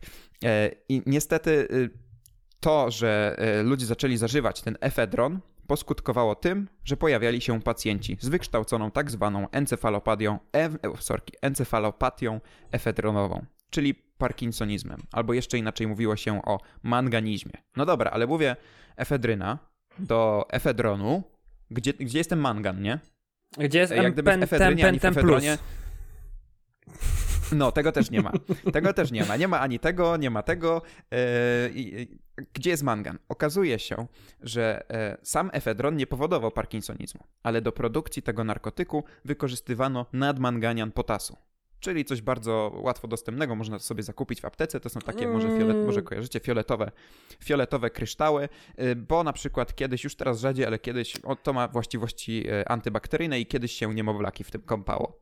W takim fioletowym płynie. No, tak Ale było. z no, tym, wykorzystywano kupnem, z ten- tym no. łatwym kupnem tego KMN4 to ci trochę, znaczy w sensie w aptekach jest ale bardzo małej ilości, bo on jest właśnie na tej substancji, No tak, ale znaczy tyle liście z tych substancji zakazanych, Tyle nie? wystarczało. A, okej, dobra, w porządku, Mhm. w porządku, dobra. Mhm, Tyle okej. wystarczało, bo to ma tylko służyć jako utleniacz w tej naszej całej zabawie. No Kumam. i niestety, gdy zrobiono to, albo stosowano efedron bardzo tak przewlekle, intensywnie i przez długi czas, albo jeżeli zanieczyszczono sobie, czyli zrobiono ten narkotyk dosyć nieuważnie i, i, i nie, niestarannie, niedbale, no to ten mangan zostawał w tym narkotyku, no i spożywanie tego, zażywanie tego narkotyku prowadziło do tak zwanego manganizmu efedron, efedronowego. To jest aż już taka jednostka chorobowa, chorobowa, można powiedzieć. Jest to bardzo podła wersja parkinsonizmu, bo bardzo oporna na jakiekolwiek leczenie. E, dzisiaj leki z efedryną są już trudniej dostępne. Wtedy były bardzo łatwo dostępne. Można było po prostu kupić ileś tam paczek i, i dzisiaj możemy kupić jeden, jedno tylko opakowanie naraz, z tego co wiem. E, no niemniej jednak, e, co ciekawe, ten proceder tworzenia tego narkotyku i tak dalej i zatruć w związku z tym, tym manganem nie pojawił się po raz pierwszy te 10 lat temu. E, w Europie Wschodniej to było już znane dosyć wcześniej. W sumie to zatrucie jest też bardzo charakterystyczne dla krajów Europy Wschodniej, czy tam dla krajów byłego Związku Radzieckiego, bo już w latach 70. i 80. popularny był narkotyk o nazwie kat albo Jeff. E, no to właśnie na terenach e, ZSRR, w krajach byłego ZSRR, no i tam już wtedy pojawiały się właśnie różne takie szaleństwa manganowe i tak dalej, bo stosowano dokładnie to samo. U nas zaczęło się to pojawiać 10 lat temu. W Estonii w okolicach 2010 roku ludność Estonii wynosiła nieco ponad milion, było to 1,3 e, miliona, milion 300 tysięcy osób, a uzależnionych w Estonii było w tym 2010 roku 14 tysięcy uzależnionych od narkotyków, czyli 1% populacji. I sporo. sporo wśród tego 1%. Nie mówię, że wszyscy byli uzależnieni od efedronu, ale sporo wśród nich to byli również użytkownicy, e, użytkownicy, no właśnie, efedronu. W samej Estonii w tych czasach, e, w, znaczy w, w, w Talinie, w stolicy i w okolicach było 10 tysięcy osób uzależnionych od narkotyków. Także to była spora plaga i ciągle e, kraje wschodniej Europy się trochę z tym zmagają. Znalazłem też opis 32-letniego mężczyzny z Polski, który był e, uzależniony od marihuany, heroiny i alkoholu, trafił do jednostki leczenia zatruć. Zauważono u niego wiele neurologicznych i psychologicznych nieprawidłowości, bo e, mężczyzna ten miał problemy z mową, miał tak zwaną dysartrię, dysartrię czyli problemy, problemy z artykulacją, co przed chwilą ja też e, chyba pokazałem, bo nie potrafiłem Patryk? wymówić. Wszystko w porządku? Wszystko świetnie. E, no niemniej jednak pojawiały się też problemy z takim e, pisaniem odręcznym, mężczyzna ten pisał bardzo takim drobnym drukiem, miał z tym problemy, miał też pogorszoną mimikę twarzy, pewne spowolnienia ruchowe, miał tendencję do chodzenia na palcach, e, jego e, postura była zupełnie niestabilna, no i okazało się, że przez rok zażywał narkotyk tworzony przez siebie samego. No i symptomy neurologiczne e, pojawiły się po 6 miesiącach zażywania. I co ciekawe, jak on trafił na odwyk, na leczeniu po 16, po 16-miesięcznej abstynencji od narkotyku, jego poziom manganu we krwi ciągle był nieco ponad normą. Strasznie podła, e, podła choroba, tak naprawdę, i strasznie podły narkotyk, który bardzo e, wiele osób bardzo dotkliwie dotknął.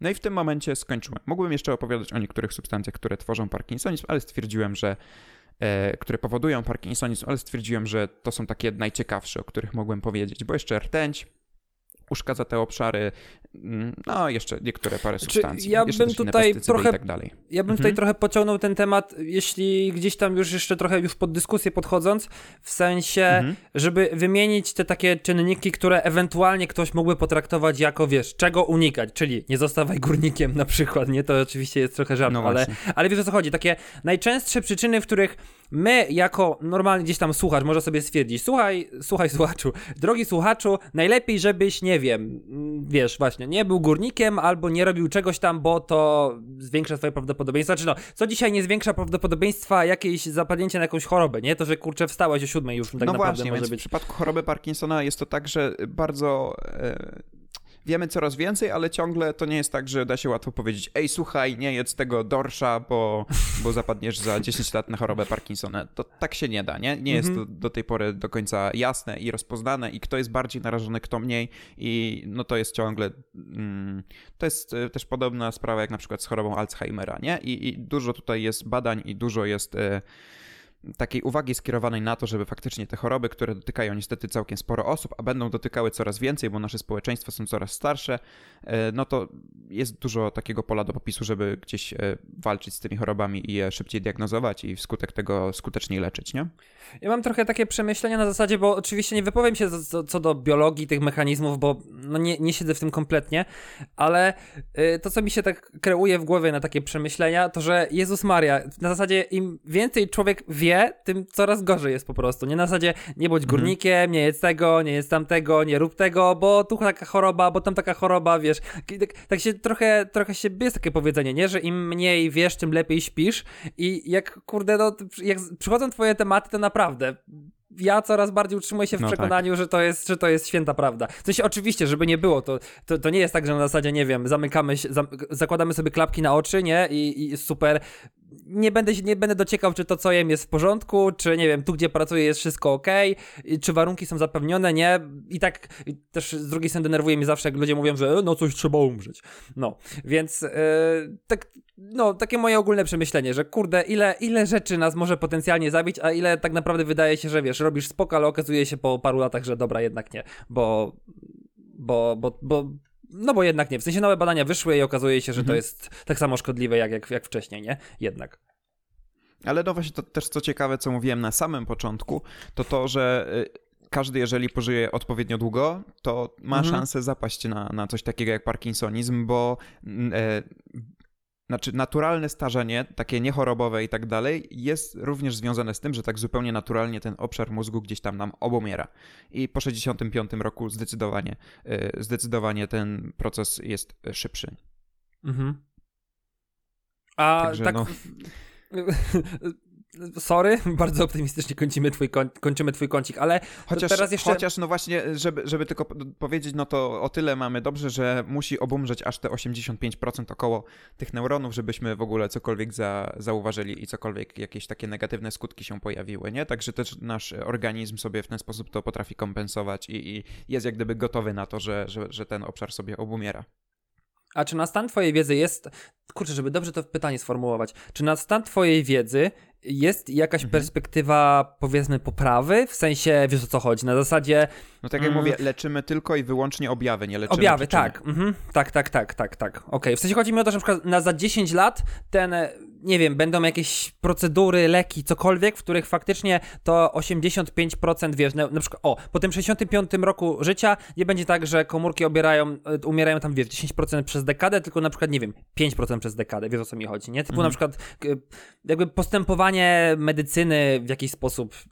To jest trochę, trochę ciężko mi to jest określić, ale myślę, że tam, gdzie mam No nadzieję, że rozumiem, wiesz, znaczy wiesz co bo właśnie są dwie różne kwestie. Można próbować opóźniać ten proces degeneracji, ale na pewno nie da się go odwrócić, nie da się regenerować komórek. Przynajmniej No właśnie. to, co mhm. teraz wiemy, to to, że nasz mózg nie jest w stanie regenerować, poza drobnymi wyjątkami, niektórymi rejonami, ale nie tworzy, od pewnego roku życia nie tworzy już e, kolejnych neuronów, tylko jak gdyby rozszerza się sieć tych połączeń i tak dalej.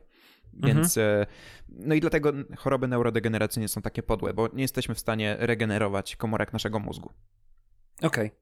A to jeszcze tak, to może też jeśli wiesz, jeśli nie, bo to mówisz, że tworzą się nowe połączenia między tymi neuronami. A czy my Mhm. możemy doprowadzić, Synapsy w sensie tak- to jest, w synapsy sensie, tak tak, tak, tworzą się synapsy, nie? Ale czy możemy doprowadzić, że na przykład, nie wiem, synaps będzie za dużo, albo będą za gęsto upakowane, albo coś w ten deseń? Bo próbuję Nie sobie tak trochę w mózgu, wiem. wiesz, Wiesz co, to jest tak, że jeżeli jakiś e, nasz mózg jest bardzo tak zwany, to się mówi, że jest neuroplastyczny i aha, wiem, wiem, wiem z czego się śmiesz, zaraz do tego wrócę, e, ale A, on okej, no. nieużywane, nieużywane połączenia bardzo szybko Mhm. obumiera, znaczy no, no, niszczą się, nie? Nie ma tych. Okej. Jeżeli coś jest nieużywane, to sobie obumrz, dlatego niektóre rzeczy zapominamy i tak dalej, nie? Więc co jest Mhm. nam niepotrzebne, no ten mózg sobie od razu e, wyrzuca.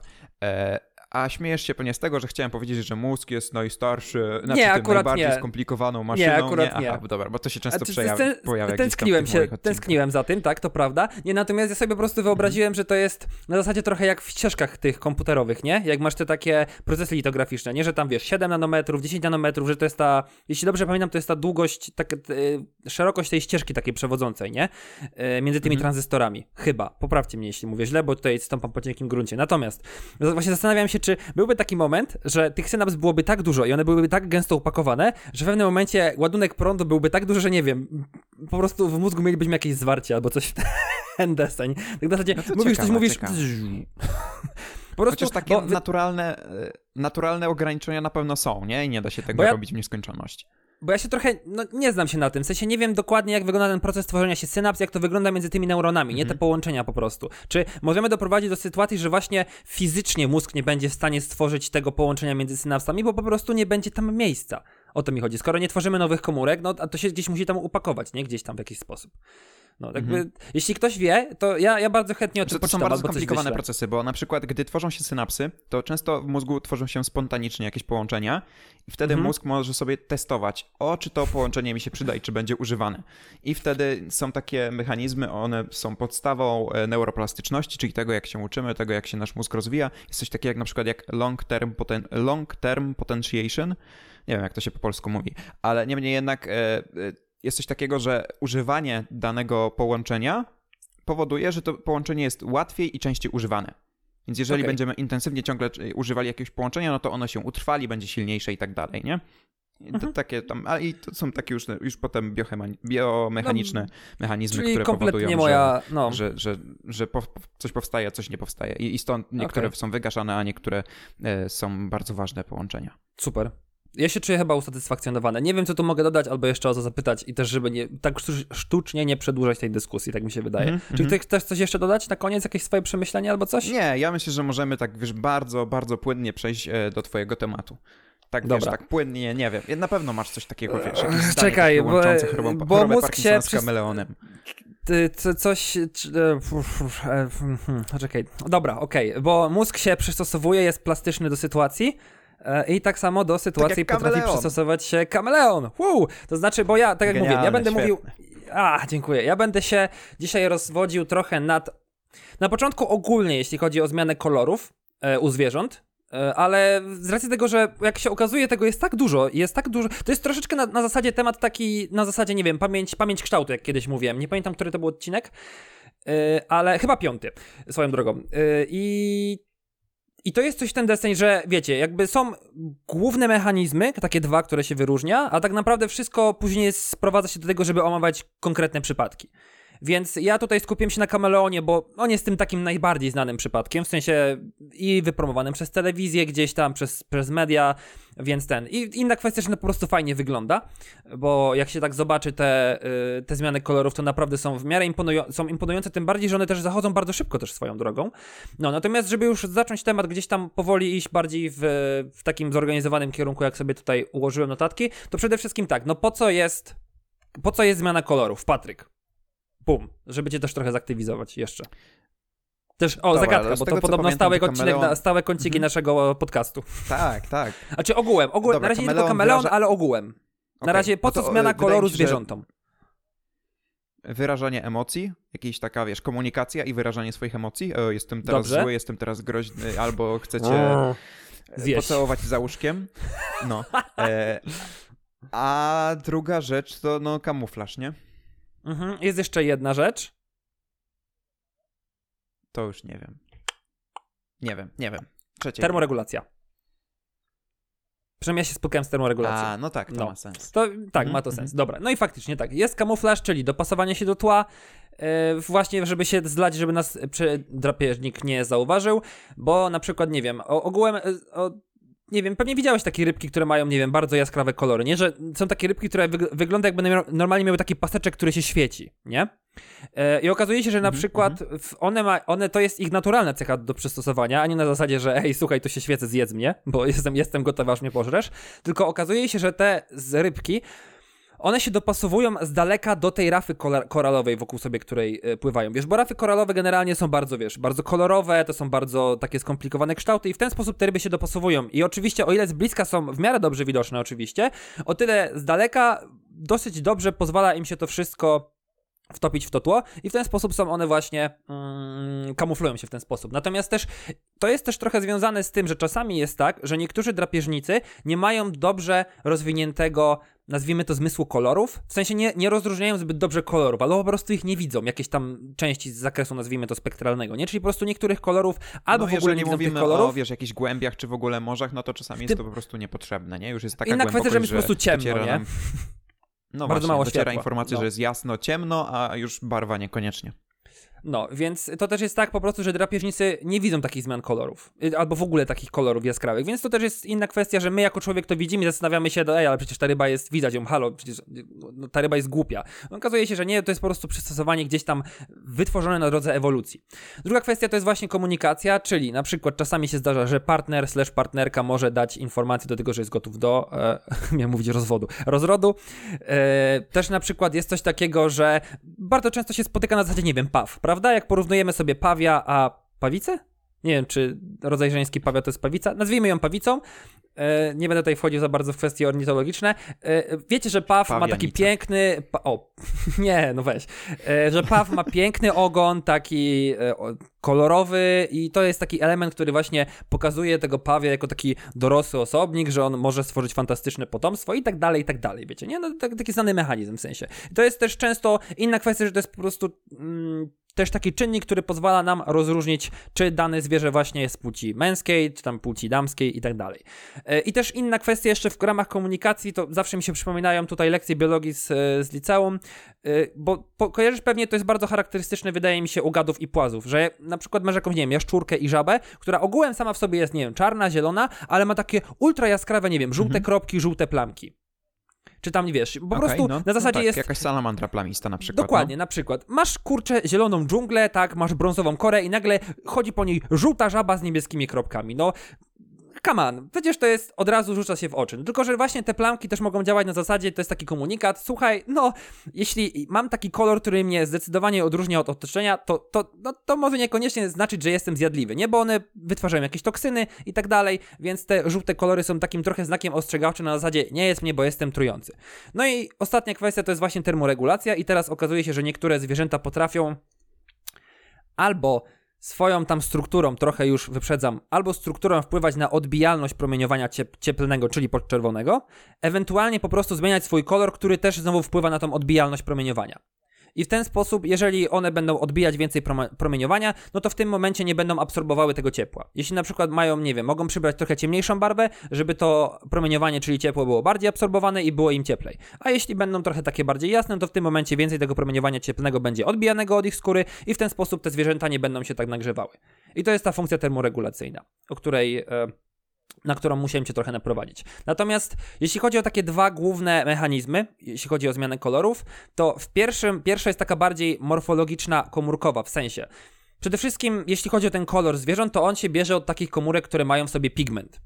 I tutaj ogółem mówiąc to są tak zwane chromatofory. I te chromatofory właśnie mają w sobie substancje, różnego rodzaju barwniki, które wpływają na to, czy, no, jakie, na zabarwienie tej skóry właściwej, bo to wszystko jest tej w skórze właściwej, czyli tej, tej najbardziej zewnętrznej e, warstwie skóry. I teraz zwierzęta mogą albo te komórki chromatofory właśnie gdzieś tam sobie rozprowadzać po Mm, przynajmniej ja to, tak, ja to tak rozumiem, że mogą sobie rozprowadzać po tej skórze właściwej i na przykład załóżmy, że jeżeli będzie więcej tych chromatoforów na zasadzie po prostu pakują więcej chromatoforów z tym pigmentem zielonym, no to w tym momencie mamy zieloną skórę. Tak, jeśli na przykład załóżmy będą dokładać, yy, przesuwać chromatofory, które mają więcej pigmentu niebieskiego, na przykład w obszar ogona, to w tym momencie ten obszar, czekaj, zielony i żółty, jaki da ci kolor?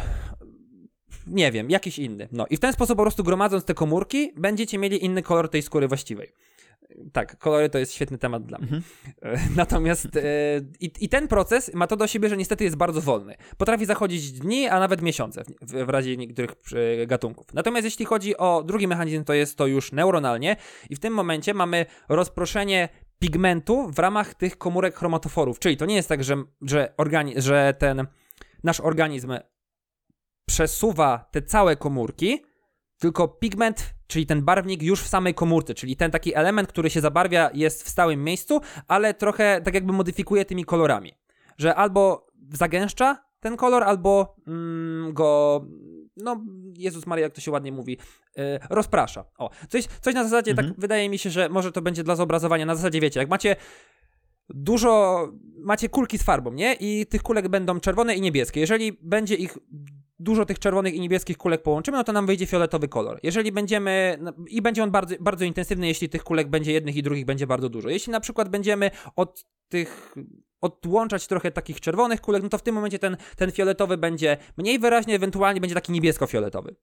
I przynajmniej ja to tak rozumiem, no, bo tutaj od razu tak mówię samo nie. jak mieszanie farbek w, w przedszkolu. No, dokładnie, coś w ten deseń. To po prostu można powiedzieć, że zwierzaki mieszają sobie farbki, ale w swojej skórze. Na zasadzie właśnie tych, tych różnych mhm. pigmentów. Mm. W tych komórkach, które zwą się jeszcze raz, przypomnę, chromatoforami. I tutaj to jest jedna rzecz. Druga rzecz to jest to, co mówiłem trochę wcześniej, czyli czasami się zdarza, że mamy substancje, albo może nawet nie substancje, czasami zdarza się, że zwierzęta wykształcają w sobie struktury, które potrafią odbijać światło. I w momencie, kiedy mamy, można powiedzieć, że są takie kryształki. I teraz w tym, czyli tak powiedzmy łatwo takie lusterka, tak dla, dla, dla większego zobrazowania. I teraz w zależności od tego, jak te lusterka są rozłożone, czy na przykład, nie wiem, jakie mają kształty, raz, dwa, jak są rozłożone, czy są gęsto upakowane, czy, nie wiem, układają się tak, że takie pojedyncze lusterka tworzą bardziej kwadraty, albo bardziej sześciokąty i tak dalej, to to wpływa na to, że to promieniowanie jest odbijane i w tym momencie, jeżeli na przykład bo mamy całe, bo jeśli chodzi o widzenie kolorów, to jest coś takiego, że to światło pada, ono się odbija i teraz w zależności od tego, jaki materiał, jaki zakres promieniowania ten materiał absorbuje, a jaki odbija, my postrzegamy tą taką tak zwaną barwę uzupełniającą. Czyli, mhm. kurczę, to jest coś w ten desen, jakbyśmy, nie wiem, jakby znowu na, na zasadzie farbek, nie? To jest coś w stylu, że my wylewamy e, czerwoną, niebieską i żółtą farbę, RGB, czekaj, red, green, blue, czyli czerwoną, green, zieloną, o, czerwoną, zieloną, zieloną niebieską, niebieską, no to będziemy mieli, jak się je zmiesza, to będziemy mieli białą farbę. I teraz załóżmy, że na mhm. przykład nasz materiał wsiąka e, zieloną farbę. I w tym momencie my będziemy widzieć fioletową farbę, no bo zielona znika, a pojawia się, zostaje nam tylko czerwona i niebieska, czyli robi się fioletowa. No to jest mniej więcej to mhm. samo, tylko że przełóżcie sobie to na grunt promieniowania. czyli po prostu absor absorbu... Wiem, bardzo easy peasy, nie? Chodzi, chodzi po prostu o taką... Kom... Tak, chodzi tutaj po prostu o taką komplementarność, czyli część promieniowania, czyli tego tak zwanego koloru, czyli no, czyli po prostu koloru tej takiej, powiedzmy tej farbki jest absorbowana, czyli wchłaniana przez, yy, przez tą skórę zwierzęcia, a pozostała reszta jest odbijana. I to, co one odbijają, my widzimy właśnie jako kolor. Przynajmniej tak to sobie tłumaczę biologicznie. Jeśli chodzi hmm. o mhm. te chromatofory i takie barwniki, tutaj, żeby, jak ty mówiłeś, to MPT, TTPP, nie, nie, HWDP i tak dalej, to, to żeby tam hmm. dać, wiesz, nadać trochę jakiś tam nazw, no to mamy tak. Mamy melanofory, które odpowiadają za czarną, mm, czarną, brązową barwę, mamy ksantofory, które są żółtym pigmentem, mamy erytrofory, które są, odpowiadają za czerwony pigment i mamy irydofory. I irydofory nie są komórkami, które mają pigment, ale to są właśnie te kryształki, o których mówiłem. To są kryształy guaniny, one są bezbarwne i teraz one właśnie wykazują tą interferencję, czyli tą zdolność do odbijania tego światła. I teraz w zależności od tego, jak one się będą układać, no to w tym momencie będziemy mieli inne to odbijanie światła i w tym momencie to też przełoży nam się na to, że mamy inny kolor. Patryk, czy ja dzisiaj jestem jakiś taki nadpobudliwy trochę? W sensie wypiłem kawę przed nagraniem. Nie, ja myślę, że bardzo dobrze opowiadasz. Ale okay. wiesz co, ja bym tylko sobie dodał, że jeszcze przykład tęczy jest świetny, nie? Czyli o, po prostu mm. na przykład te irydofory, no to rozpraszają światło, no i otrzymujemy jakąś tam, jakieś tam, no porozpraszane te światła, czyli po kolei każdy z kolorów i przy okazji może niektóre z tych kolorów znikają, to znaczy rozpraszane jest, ale rozpraszane jest tylko i wyłącznie, nie wiem, pojawia się tylko kolor niebieski, a pozostałe już nie. Mhm. O, to też jest bardzo dobry ten, też jest bardzo dobry przykład. I jeśli chodzi o zwierzęta, które potrafią wykazywać właśnie takie zmia zmiany kolorów, to są tak, kręgowce, bezkręgowce, owady, skorpiaki, ryby, gady, płazy. tak ogółem y, do, wiesz, do różnych... Kuny, jesiotry, wszystko. No, dokładnie. E, I... I jeśli chodzi o ten, te najmniej poznane, to są płazy i gady. Właśnie. I dzisiaj na nich się skupimy, bo tak jak mówiłem, będę rozmawiał o kameleonach. I teraz, żeby dać jeszcze taki szybkie, szybki przegląd przez jakieś tam zwierzęta, o których udało mi się coś przeczy przeczytać, to na przykład jest coś takiego jak papugoryby. One tak trochę śmiesznie wyglądają. E, jak ktoś, ma, jak ktoś ma teraz możliwość, to niech sobie spojrzy w zdjęciu, bo ja teraz tego nie opiszę, bo w sumie zapomniałem. Pamiętam tylko, że fajnie wyglądały, ale nie pamiętam szczegółów. I one mają trzy rodzaje kamuflażu. One mają, one mają kamuflaż w paski, mają takie wyraźne oczka u podstawy płetwy i przy okazji mają jednolicie ciemny, ciemny wzór. I teraz z tego, co zdążyłem wyczytać... Ale mają śliczne kolory. No i, i wiesz, i na przykład tak, jeśli chodzi o te paski, to w przypadku, kiedy ryba się porusza, to te paski sprawiają, że ten obraz się rozmywa w trakcie ruchu. I w tym momencie mhm. drapieżnik trudniej ma, może zauważyć taką rybkę. E, jeśli chodzi o na przykład mhm. takie kropki, to one mają wyglądać chyba z tego, co mi się, z tego co zrozumiałem, mają wyglądać jak oczy i mają skierować uwagę na ogon. I w tym momencie, jeśli zakładając, nie wiem, przełóżmy to na perspektywy jaszczurki, że jaszczurce odpada ogon. Nie, więc wtedy nasz drapieżnik robi cap tej rybie, a ryba haha, odpada ogon i sobie może uciec. Jakby to jest ta funkcja mhm. kamuflażu. A jeszcze wracając do tego, do tych pasków, które jak gdyby rozmywają obraz, to trochę to wygląda tak, jak gdybyście wzięli telefon i spróbowali zrobić zdjęcie e, jakiegoś ekranu. O, mhm.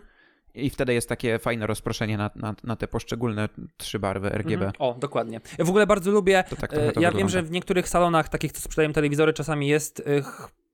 Masz taką lubkę i możesz sobie spojrzeć przez A. tą lubkę i tam hmm. widzisz pojedyncze piksele jeśli chodzi o, wiesz, kolor, nie? Bo generalnie to jest tak, że wyświetlacze, właśnie, wyświetlacze mają te RGB, czyli red, green, blue, czyli e, czerwony, zielony, niebieski kolor, te takie jakby składowe, tylko że ich jest tak dużo, że one po prostu w ogólnym rozrachunku, że jest ich tak dużo i przez modyfikowanie tymi kolorami możemy po prostu uzyskać całą gamę barw.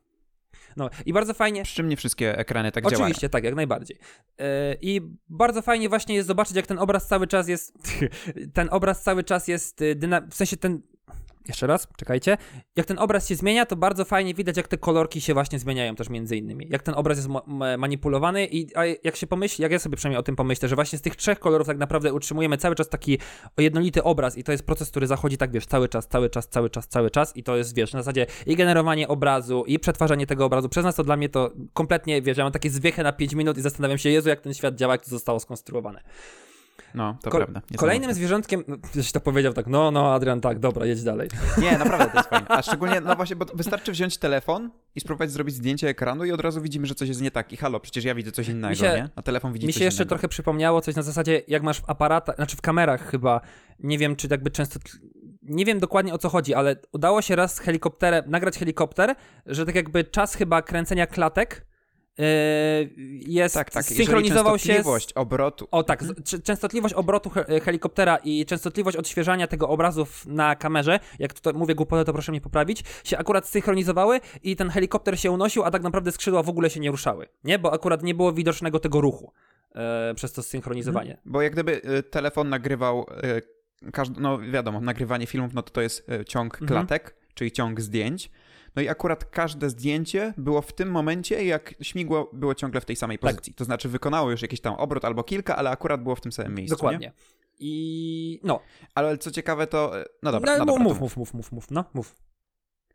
Nie, dobra. Okay, dobra, to tak. I to była papugoryba. Drugą rybą jest mątwa. I mątwa upodabnia się do dna, bo, e, na których zwykle są jakieś tam kamyczki, piaski, żwiry i tak dalej. No i ona właśnie ma dużo takich kontrastujących jasnych i ciemnych plamek.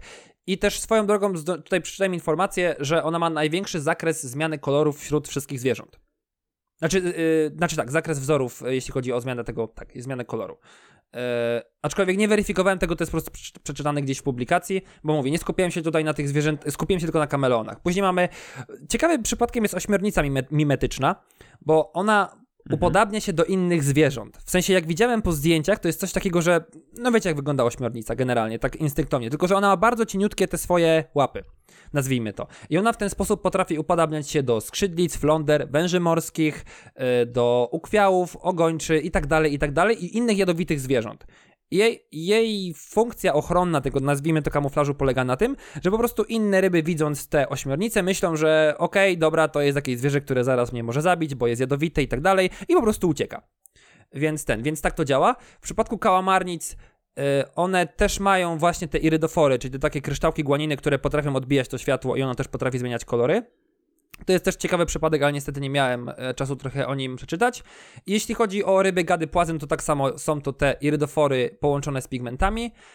Mm, I tutaj też mają jedną z tych takich szerszych gam, jeśli chodzi o kolory. I też generalnie jeśli chodzi o te zmiany kolory, kolorów, to ogółem cały czas się to bada. W sensie bada się mechanizmy, bada się zależności, bo też taką ciekawą kwestią jest, gdzieś widziałem yy, z takich rzeczy, które próbuję się badać, to jest to, dlaczego jedne zwierzęta wykształciły sobie te zmiany kolorów, a inne nie. Gdzie to jest taka mhm, cecha, wiesz, mhm. która jest po prostu bardzo przydatna. A też na przykład dlaczego jedne zwierzęta, jak już to wykształciły, wykształciły to lepiej, a dlaczego inne sobie gorzej z tym radzą. I też wpadłem... Dobra, to ja mam teraz małą dygresję, przerwę ci możesz się napić, bo chcę swoje dwa grosze wrzucić. A znowu zrobić siku? Za, albo dobra, zanim, zanim, się... Nie, zanim się... Nie, zanim się, bo zanim się napijesz, to jeszcze... No dobra, napij się. To zadam ci pytanie. Czy zauważyłeś, że rzadko w świecie przyrody pojawia się kolor niebieski? tak zdecydowanie rzadziej niż pozostałe kolory. Mało jest niebieskich roślin, ptaków, innych zwierzaków. Zauważyłeś? Nie zastanawiałem się nad tym, ale no w sumie to tak, jak sobie teraz nad tym zastanowię, no. Większość jest zielone, kwiaty są częściej raczej czerwone czy coś mhm. takiego, a, a niebieski pojawia się bardzo rzadko. Bo tak naprawdę jest bardzo mało substancji, które, yy, znaczy tych właśnie naturalnie występujących pigmentów, które są same z siebie niebieskie. I większość na przykład niebieskich ptaków są niebieskie nie dlatego, że yy, mają jakiś niebieski barwnik w sobie, tylko właśnie mają jakieś na przykład charakterystyczne ułożenie skrzydeł na takim poziomie mikro, że on w ten sposób załamuje światło, że te skrzydła wydają się być niebieskie, nie? Ale gdybyśmy, nie wiem, utarli to na pył, i, i zniszczylibyśmy te struktury, no to wtedy ten niebieski by zniknął, bo ten niebieski nie istnieje, nie? Czyli to jest ten drugi mechanizm, o którym mówiłeś. Uuu, ale fajnie, to nie wiedziałem o tym. Czyli wie, większość pigmentów w przyrodzie, e, e, jeżeli ma, znaczy inaczej, jeżeli zwierzę jest, czy, czy roślina jest niebieska, to raczej rzadko jest to pigment niebieski. Mhm. To, już się, to się praktycznie nie zdarza, tylko to jest jakaś forma e, jakiejś specjalnej konstrukcji, na przykład piór, które powodują takie załamywanie światła, że ten kolor niebieski powstaje, nie? Albo rośliny, rośliny mają e, antocyjany i one są normalnie e, czerwonawe, ale w połączeniu z jakimiś takimi innymi substancjami i w połączeniu ze specjalnym układem, no to dopiero wtedy powstaje ten niebieski kolor. Ale gdybyśmy sobie, nie wiem, wzięli antocyjany do, do probówki i nasypali do probówki tego, czy, czy, czy wlali do probówki, no to wtedy to, to byłoby czerwone, a nie niebieskie, mhm. nie? Okej. Okay to y, na ptaki nie zwracałem uwagi, to, to od razu mówię właśnie, ale to tak to właśnie działa z tymi irydoforami. W sensie dużo zwierząt ma te struktury właśnie związane z kryształkami, albo gdzieś tam ta struktura mhm. w ich piórach, skórze jest tak skonstruowana, że właśnie to światło odbija. Zresztą tutaj... A, to jeszcze jedna no. rzecz. Jest tylko jeden gatunek motyla, który samodzielnie wytwarza niebieski pigment. Okej, okay, ogółem... Bo jeszcze może być tak, tak na przykład są flamingi, nie? One są różowe, ale one są różowe, bo jakieś tam chyba skorupiaki żyją w ich skrzydłach, czy jakieś inne hmm. tam drobne, drobne zwierzaczki i, i w ten sposób są Młode, młode flamingi są, albo gdzieś tam jak znajdą się w innym miejscu, to są białe. Okay. I to też tu trochę intuicyjnie trochę strzelam, ale wydaje mi się, że to jest też trochę kwestia tego, że ogółem niebieski kolor jest ciężki do, do uzyskania. Bo i światło słoneczne no tak, ma małą, małą składową, jeśli chodzi o niebieskiego, bo to są promieniowania, bo to jest zakres promieniowania, który jest bardzo wysokoenergetyczny. W sensie tak, on jest zaraz po blisko chemicz, Od chemicznej mm. strony niebieski kolor jest problematyczny tak. do uzyskania. Przecież... Więc nawet jeżeli powstaje, no to łatwiej go otrzymać przez jakieś takie y, czary-mary z, z załamywaniem światła, niż, niż stworzyć niebieską, y, niebieski pigment, -hmm. nie? Jest to po prostu tak, trudne. dokładnie. I i tutaj chciałem zacytować jedno zdanie z publikacji, tak właśnie a propos badania tych e, zwierząt i ich możliwości kamuflażu, że jak na ironię, zwierzęta o najlepszym kamuflażu są najczęściej najtrudniejszymi do badań, bo ciężko je znaleźć. jest to w miarę intuicyjne i stwierdziłem, stwierdziłem że warto, warto tutaj dodać tę uwagę. to, to jest trochę jak no. w tym żarcie, nie? Na zasadzie Kowalski, nie widziałem cię na zajęciach z tego, z kamuflażu. Dziękuję, panie komendancie. Dziękuję. I przechodzimy teraz do kameleona i tutaj Skupiłem się na dwóch gatunkach. Jeden to jest kameleon karłowaty, a drugi to jest kameleon lamparci. I najpierw kameleon karłowaty. Tutaj nie mam mechanizmu takiego, co powoduje, że on zmienia kolor, ale mam takie ogólne mechanizmy przystosowawcze. Co mam na myśli? Ponieważ kameleon w ogóle karłowaty ma bardzo dużo e, rodzaj, znaczy bardzo też szerokie spektrum, jeśli chodzi o ubarwienie. Zresztą Lamparti tak samo tutaj naprawdę. W sensie ja trochę nie wierzyłem gdzieś, bo to trochę nieintuicyjnie mi się wydaje, żeby na przykład kameleon przyjął ci różową barwę. A okazuje się, że. No faktycznie, no nie jest to intuicyjne. Okazuje się, nie? że są takie gatunki. On się zresztą nazywa się go różową panterą, bo też swoją drogą po łacinie to jest e, panter kameleon, coś tam. Znaczy w sensie ma ten taki przyrostek panter, a po polsku jest tłumaczony jako lamparci.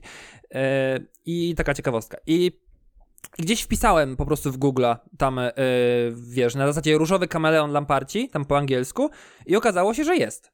Znaczy, to nie jest taki, wiecie, taki super Barbie róż, taki typowy, typowy róż, taki, no nazwijmy to Barbie róż, tylko jest to takie trochę czerwono-różowe coś w ten deseń, ale jest to generalnie jakaś odmiana różu, co mnie dosyć dziwiło, bo zwykle... A ja się tylko jeszcze wtrącę no. ci znowu, ale bo wydaje mi się, że Lampart i Pantera to to samo, tylko to są różne nazwy. Czy tam jeden, jeden gatunek Lamparta określa się mianem Okej, okay, może tak być, sposób. może tak być. Bo no ja też nie będę wnikał, że tutaj nie, nie sprawdzałem tego. E, no. E, dobra, zgooglowałem i tak Dobra, jest, no. super. Okej, okay, ale w każdym razie są kameleony różowe, są kameleony takie typowo ultra niebieskie, bo też, bo też trochę oglądałem filmów o kameleonach, na zasadzie wiecie, National Geographic i tak dalej i ten, i też, yy, i też na przykład ludzie sobie hodują kameleony i e, na YouTubie, e, to jest mój kameleon, patrzcie, jest niebieski, a ten jest zielony, nie? I generalnie super, 20 minut gadania o kameleonie. I, i faktycznie jest normalnie, i nawet znalazłem taki super, szar, takiego super szarego kameleona że był cały szary. Więc generalnie, bo ten kameleon Lamparci ma największe spektrum, jeśli chodzi o ten zakres rozpiętości mm, kolorów które może sobie swobodnie zmieniać. To oczywiście zależy od gatunku, tak mi się wydaje, bo ten Lamparci akurat, który był badany w publikacji, on miał zakres od niebieskiego do czerwonego, w sensie niebieski przez zielono-żółty, pomarańczowy do czerwonego. Nie było tak, że nagle miał, nie wiem, kolor różowy albo niebieski, ale też znalazłem filmy, na których on był niebieski. Taki, znaczy inaczej, stop, mówiłem o niebieski. Nie było na przykład, że nie wiem, był różowy albo szary. Więc istnieje szansa, że to też jest związane z miejscem występowania, bo generalnie kam kameleony lamparci występują na Madagaskarze. No ale do tego jeszcze dojdziemy, bo się, widzicie, że się zapędziłem. Kameleon karłowaty. I teraz tak. To, co mówiłeś, Patryk, że ich ubarwienie może świadczyć o sytuacji. To znaczy, ogółem kameleony, tak, jeśli jest jakiś, nie wiem, pojedynek samców, albo kameleon widzi samicę, to potrafi sobie zmieniać kolory i na przykład ciekawe okazuje się, że na podstawie koloru możemy określić, czy dany kameleon jest y, w sytuacji dominującej, czy w sytuacji uległej. Bo teraz mamy coś takiego, że jeżeli mamy dwa kameleony, które ze sobą walczą, to teraz, jeżeli mamy kameleona, który wygra tę walkę, albo na przykład mamy sytuację, w której jakiś kameleon próbuje gdzieś tam robi jakieś zaloty do pani kameleonicy, nazwijmy to tak, i mhm. okazuje się, że no pani kameleonica odrzuci jego zaloty, no to w tym momencie, jeżeli mamy kameleona, który ma barwę taką bardzo, bardzo dominującą, znaczy inaczej, kameleon, który jest dominujący, wykazuje bardzo jaskrawe barwy. I tutaj mam, znalazłem w publikacji takie porównanie, na przykład kameleon który kameleony z barwą dominującą, to jest na przykład właśnie taki bardzo, bardzo jaskrawy zielony. Albo znalazłem też kameleona, który na przykład przednią część ma taką szarą, a tylną część ma taką jakby limonkową. Albo jest taki kameleon, który jest w ogóle jest biały i ma takie paski, które są czerwone, biało-pomarańczowe, czy wróć, czarne, biało-pomarańczowe i czarne. I w ogóle jest czarne kropki, ale widzisz, to jest na zasadzie coś takiego, że są faktycznie jaskrawe kolory i widzisz, że rzuca się w oczy. No, czyli po prostu można powiedzieć, że dominuje w twoim spektrum widzenia, tak to nazwijmy. Natomiast kameleony o barwie uległej mają te takie, mają kolory takie stonowane. W sensie na przykład właśnie jest taki bardzo... Mm, taki szarawo-zielony, jakiś ceglasto-czerwony yy, i, i faktycznie gdzie się porówna te kameleony, to widać na zasadzie na obrazku. Jeden faktycznie od razu rzuca ci się w oczy, a drugi trochę bardziej na zasadzie stapia się z tłem.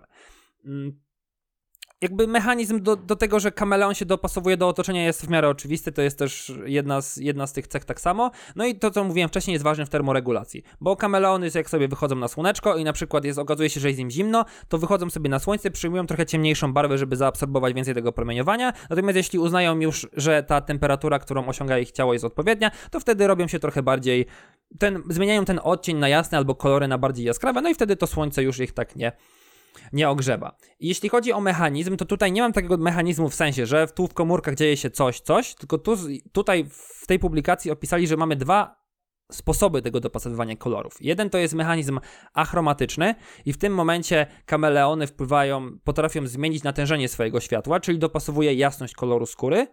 I to jest też nawet nie tyle ta jasność na zasadzie tworzenia kontrastu z otoczeniem samym w sobie, ale tworzenie kontrastu na swoich różnych partiach ciała. I tutaj generalnie też widziałem takie fajne trzy zdjęcia, w których, mm, nie wiem, kameleon był na jakiejś roślince, był na jakiejś gałęzi i on tak ładnie dopasowywał sobie mm, kolor na swojej skórze, a przy okazji jeszcze na przykład, nie wiem, właśnie miał jakieś tam kropki, które były były trochę bardziej jasne albo trochę bardziej e, ciemne w zależności od miejsca, że naprawdę tak na zdjęciu by go było ładnie widać, ale myślę, że takiej z dalszej odległości mo można by go było normalnie ominąć. I to też właśnie jest po to, żeby tak jak mówiłem wcześniej, y, czy to ptaki, czy to jakieś inne węże, y, też nie mają tego takiego mechanizmu, który dopasowuje tego mechanizmu wzrokowego wykształconego na tyle, że mogą zauważyć te różnice. No i w tym momencie właśnie kameleon buduje swoją przewagę y, na, na zasadzie właśnie tego kontrastu, ewentualnie koloru. Natomiast ten drugi właśnie mechanizm jest chromatyczny i to jest już typowo zmiana samej barwy. No i tutaj też z drugiej strony są badania, które dowiodły na to, że wpływ środowiska, czyli w zależności od tego, gdzie ten kameleon się znajduje, Czyli czy na przykład jest to, nie wiem, albo jakaś łąka, jakieś wrzosowisko, czy jest to jakiś gęsty las z dużą liczbą e, roślinności, to ten kameleon ma albo większe, albo mniejsze zdolności chromatyczne, czyli może bardziej modyfikować tą barwą, bo po prostu ma się do czego dostosować.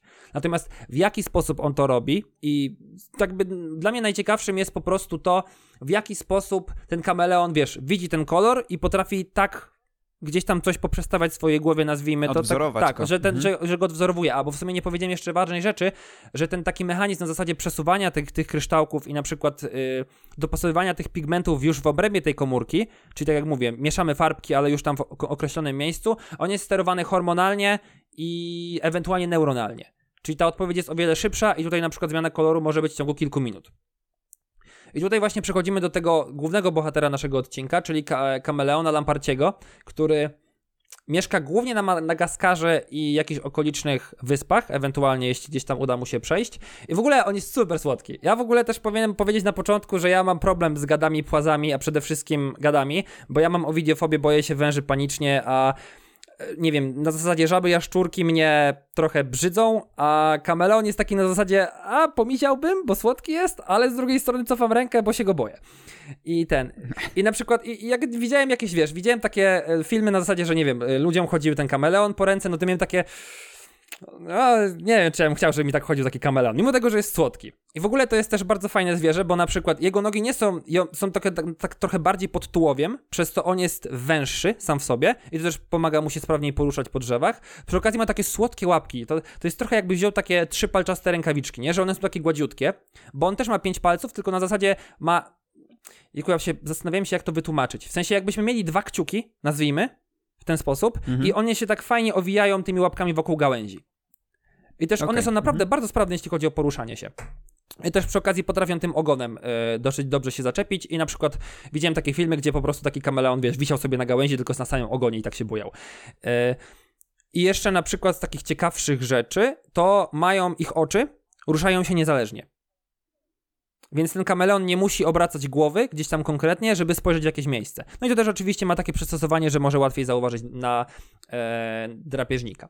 No i właśnie, no i ten kameleon, tak jak mówiłem wcześniej, jest znany z tego, że wśród tej rodziny kameleonowatych wykazuje takie największe rozróżnianie, jeśli chodzi o kolory. Tak jak mówiłem, i to są barwy właśnie od takich typowych typu niebieski, zielony, żółty, czerwony, po nawet zdarza się różowy czy jakiś tam super szary. Co wydaje mi się właśnie jest albo związane z jakimś podgatunkiem, albo miejscem występowania. Ciężko mi to stwierdzić. Też, też aż tak bardzo nie wnikałem w tę biologię, bo ona nie jest tutaj u mnie, nie jest moim obiektem zainteresowania raz, a dwa nie czuję się w niej mocny. I tutaj kameleony, jeśli chodzi o tę zmianę kolorów, to właśnie po pierwsze są to te irydofory, ale ma też trochę pigmentów i to są właśnie głównie melaniny i też jakiś niezidentyfikowany ciemno-niebieski pigment, przy którym przynajmniej w publikacji, którą czytałem, bo na której się opierałem, nie było napisane, co to jest dokładnie. Więc być może jest to zbadane gdzieś w nowszych czasach, w nowszych badaniach, ale nie, nie udało mi się tego e, znaleźć. I teraz taka silna regulacja jasności skóry jest e, obecna zarówno u samic i u samców, natomiast dorosłe samce wykazują trochę większą zmienność tych kolorów. I tutaj głównie to, co mówiłeś, że, e, że ten kolor może się zmieniać w zależności od emocji, jest. Ci badacze wzięli dwa, kamele, dwa kameleony i doprowadzili do sytuacji, w którą musieli oni ze sobą rywalizować. Ja na przykład widziałem też po prostu z ciekawości interne, internetowej, znaczy po prostu z mojej ciekawości wpisałem sobie inter, w internecie coś Mhm. w zasadzie Chameleon Fight i Mhm, ten, mhm. i zauważyłem, że jest tam właśnie, jest jakiś film typu National Geographic, jakiś pan lektor ładnie mówi, że no kameleon jest takim ciekawym zwierzęciem, że on tam sobie chodzi e, po tych gałęziach, że tam jego oczy są właśnie, mm, są niezależne od siebie i nagle pojawia się drugi konkurent. I, I to jest dosyć śmieszne, bo one z jednej strony te ruchy są w miarę wolne. To nie jest tak, że masz taką akcję na zasadzie ciach, ciach, ciach, ciach, tylko jest to, coś w stylu, że one zaczynają się stykać swoimi głowami, tak jakbyśmy na zasadzie, wiesz, coś typu linia nos-czoło i zaczynają się trochę przepychać. Ja próbowałem zwrócić uwagę, czy one zmieniają kolory, ale nie zwróciłem na to uwagi i to było takie z jednej strony trochę słodkie, że one się tak przepychają. To jest trochę jakbyśmy, jak, jak, jak, jak się kozły zderzają, nie ze swoimi rogami, tylko tutaj jest po prostu takie bardziej statyczne. I, I wszystko było spoko, dopóki nie zaczęły syczeć. Bo ja wtedy naprawdę tak trochę się wystraszyłem, bo to jest coś w zasadzie takie i, I kurczę, powiem ci, że no, ro, robi to na mnie wrażenie, ale mówię, ja, ja mam trochę słabość do gadów przez to, że się ich boję. I wiesz, i oni gdzieś tam się próbują przepychać, jeden kam kameleon zrzuca drugiego, ale nie zauważyłem tego, żeby one zmieniały kolor skóry w trakcie. Natomiast tutaj, Okej. tutaj jest pokazane wyraźnie, bo oni obserwując tych kameleonów, to było coś takiego, że zrobili takie pomieszczenie, gdzie masz super czarne tło i ten kameleon był sobie na gałązce i oni go obserwowali. I w tym momencie, kiedy ten kameleon miał walczyć jednym, jeden z drugim, to widać było zmianę tego koloru na filmie. I ten film miał nałożone tam filtry. yy, Które nie, że Mhm. badamy, wiesz, coś przykładając do monitora, bo to nam da pewne zakłamania, ale że masz takie na zasadzie, że jest analizowana yy, kolory nagrywanego filmu i masz wyświetlony normalnie tam zakres widma barwowego. No. Jasne. I można powiedzieć tak w uproszczeniu, że powiedzmy, że ten kameleon miał taki kamuflaż, jak był zrelaksowany, miał taki kamuflaż trochę jak na zasadzie wzoru Moro i tutaj miał coś takiego, że miał takie zielone paski, one były mm, przecięte takimi brązowymi paskami i przy okazji jeszcze gdzieś tam miał czerwone kropki. I, I, przez, można powiedzieć, że tak przez bok przechodziła taka na zasadzie taki, taki niebieski pas po prostu. W porządku. No. I teraz, jeśli, i, jeśli ten kameleon był zdenerwowany, to ten zielony kolor zaczął przechodzić w taki żółty, żółto-pomarańczowy. Czerwone elementy zaczęły, no były takie po prostu bardziej jasne, bardziej intensywne, bo akurat kolor czerwony jest tutaj odpowiedzialny za pigment, nie za te zmiany tych kryształów. Natomiast ta taka niebieska linia przechodząca przez grzbiet z... zrobiła się bardziej biała. To jest, ja się trochę śmieję, bo to jest coś w stylu, jak się pokazuje na przykład na bajkach gdzieś tam, czy w filmach, jak się człowiek denerwuje, to wiesz, zaczyna puchnąć, nie? Jest trochę jak taki czajnik, który się mhm. gotuje, nie? Staje się czerwony i nagle puu, to trochę, trochę tak to wy, wypomina, jakby te, przypomina, jakby ten kameleon się tak trochę gotował. I w tym momencie właśnie e, to jest ta funkcja, w której kameleon potrafi zmienić kolor skóry przez swoje e, po prostu emocje wpływają na ten kolor skóry. I to jest, mhm, tak, tak, mi się wydaje, że to jest coś na zasadzie, o, patrz jaki jestem groźny, o, jak się nabuzowałem, nie? I w tym momencie, dobra, dobra, stary, ej, okej, okay, przestań, dobra, przestaję, to jest twoje drzewo, ja sobie idę szukać sobie innego miejsca. No i jeśli chodzi o... I to jest takie badanie na zasadzie właśnie kręcimy film, patrzymy jak to się zmienia i generalnie ta zmiana też była dosyć szybka, bo tam były filmy, które trwały tam na zasadzie minuta, minuta półtorej i one były przyspiesz przyspieszone ośmiokrotnie. Więc taki kameleon potrafi zmienić ten kolor tak w ciągu około 5 minut, w zależności od tego, jakie to ma być przejście, nie? Więc no, jest to całkiem szybki, szybki mechanizm, po prostu zmienić, zmienić odcień skóry z mm, właśnie z zielono-niebieskiego na właściwie czerwono-żółty. To jest tak naprawdę, można powiedzieć, przejście przez, od, z jednego zakresu widmowego na drugi koniec.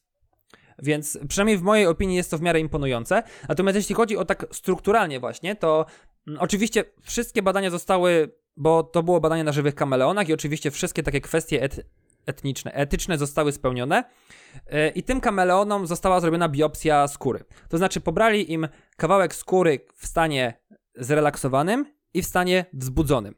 I jak zrobili tą biopsję, to zrobili po pierwsze badania histologiczne, po drugie zrobili tam badania spektroskopii, spektroskopowe, czyli po prostu tam, nie wiem, odbijalności światła między innymi przez skórę i też wzięli te kawałki skóry pod mikroskop.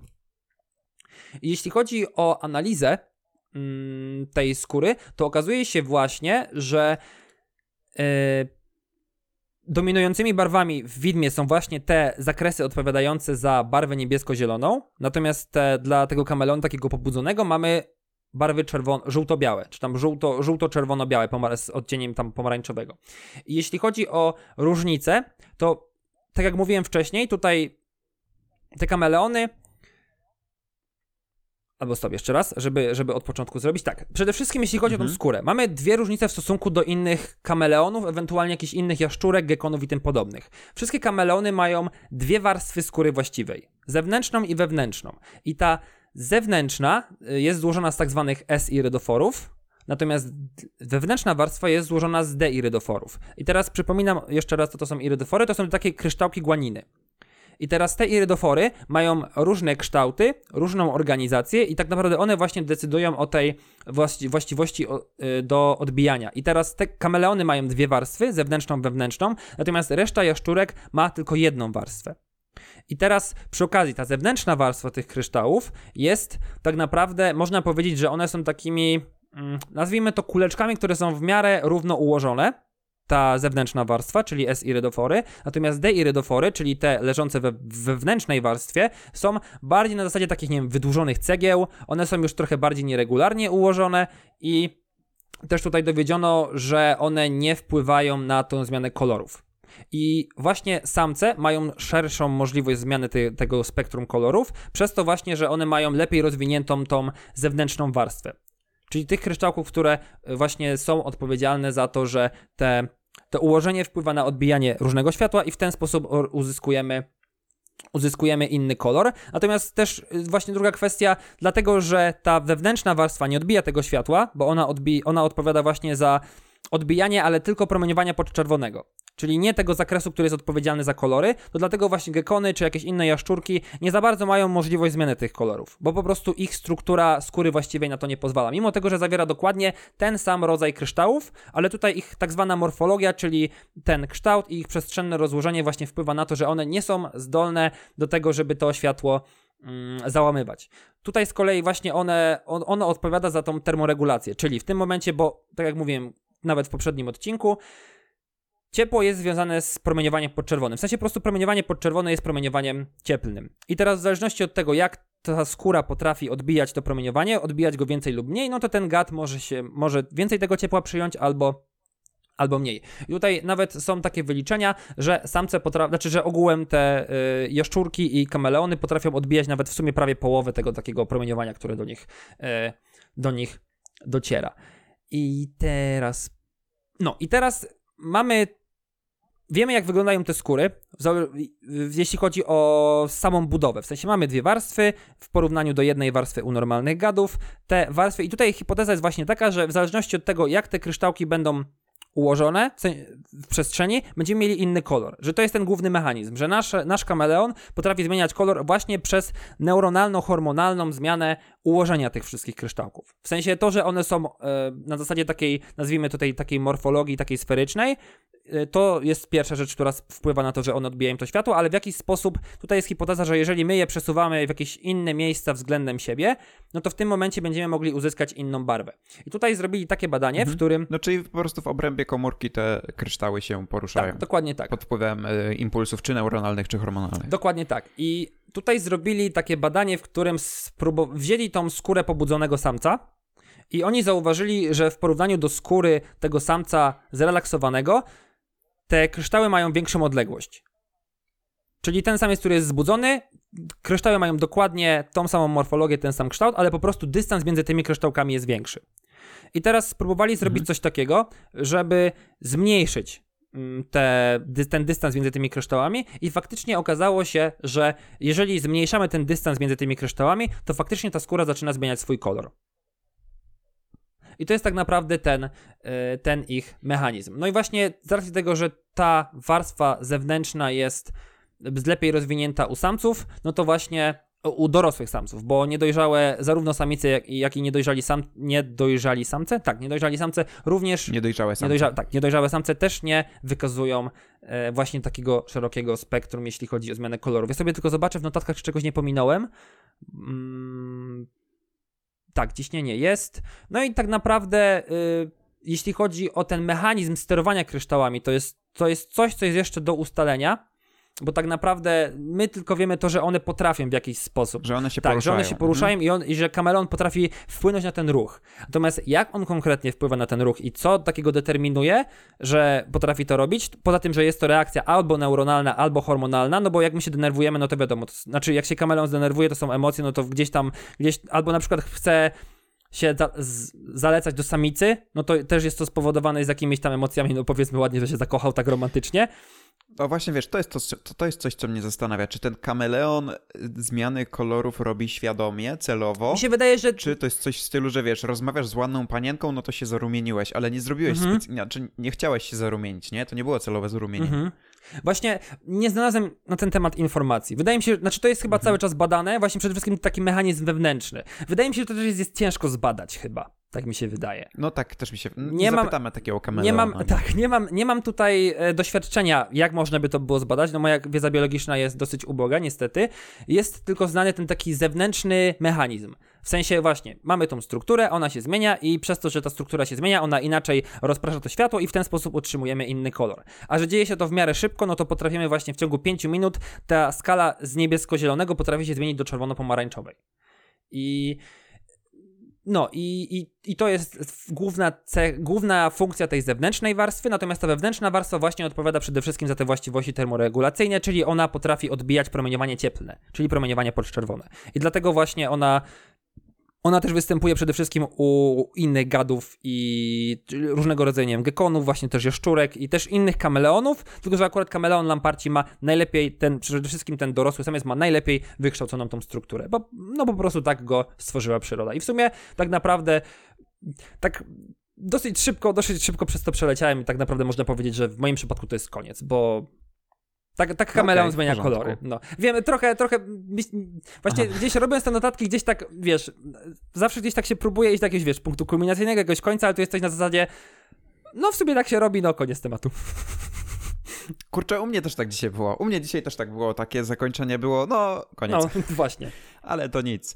To nic, bo najfajniejsze są te konkluzje, że e, że barwa, może, znaczy inaczej, że może być barwnik mhm. i może być coś, co wydaje nam się, że ma jakiś tak, kolor. Tak, to jest, wydaje mi się, że to jest taka najfajniejsza, najfajniej, znaczy lekcja, wniosek. W sensie, że nie zawsze kolor pochodzi mhm. od koloru, od barwnika. Tylko to jest, można powiedzieć, tak, złudzenie optyczne. Bo mi się wydaje, że można, można no, nazwać no, no, no, złudzeniem optycznym. Tak może trochę naciągane, ale gdzieś to jest pe pewna kwestia zjawisk, które imitują nam ten kolor. I, I, jakby ten mechanizm zmiany i to w ogóle to, jak to zwierzęta Wiesz, potrafią sobie jakąś... wykształcić. No, i ten. Jakbyś miał jakiś, nie wiem, orzeszek, który jest naprawdę niebieski, mm -hmm. znaczy, no, dobra, niebieski to jest zły przykład, ale naprawdę jest zielony, nie? I, i, I go pokruszymy na drobny pył, to ten drobny pył dalej powinien być zielony. Mm -hmm. Bo coś jest e, koloru zielonego, nie? Tak.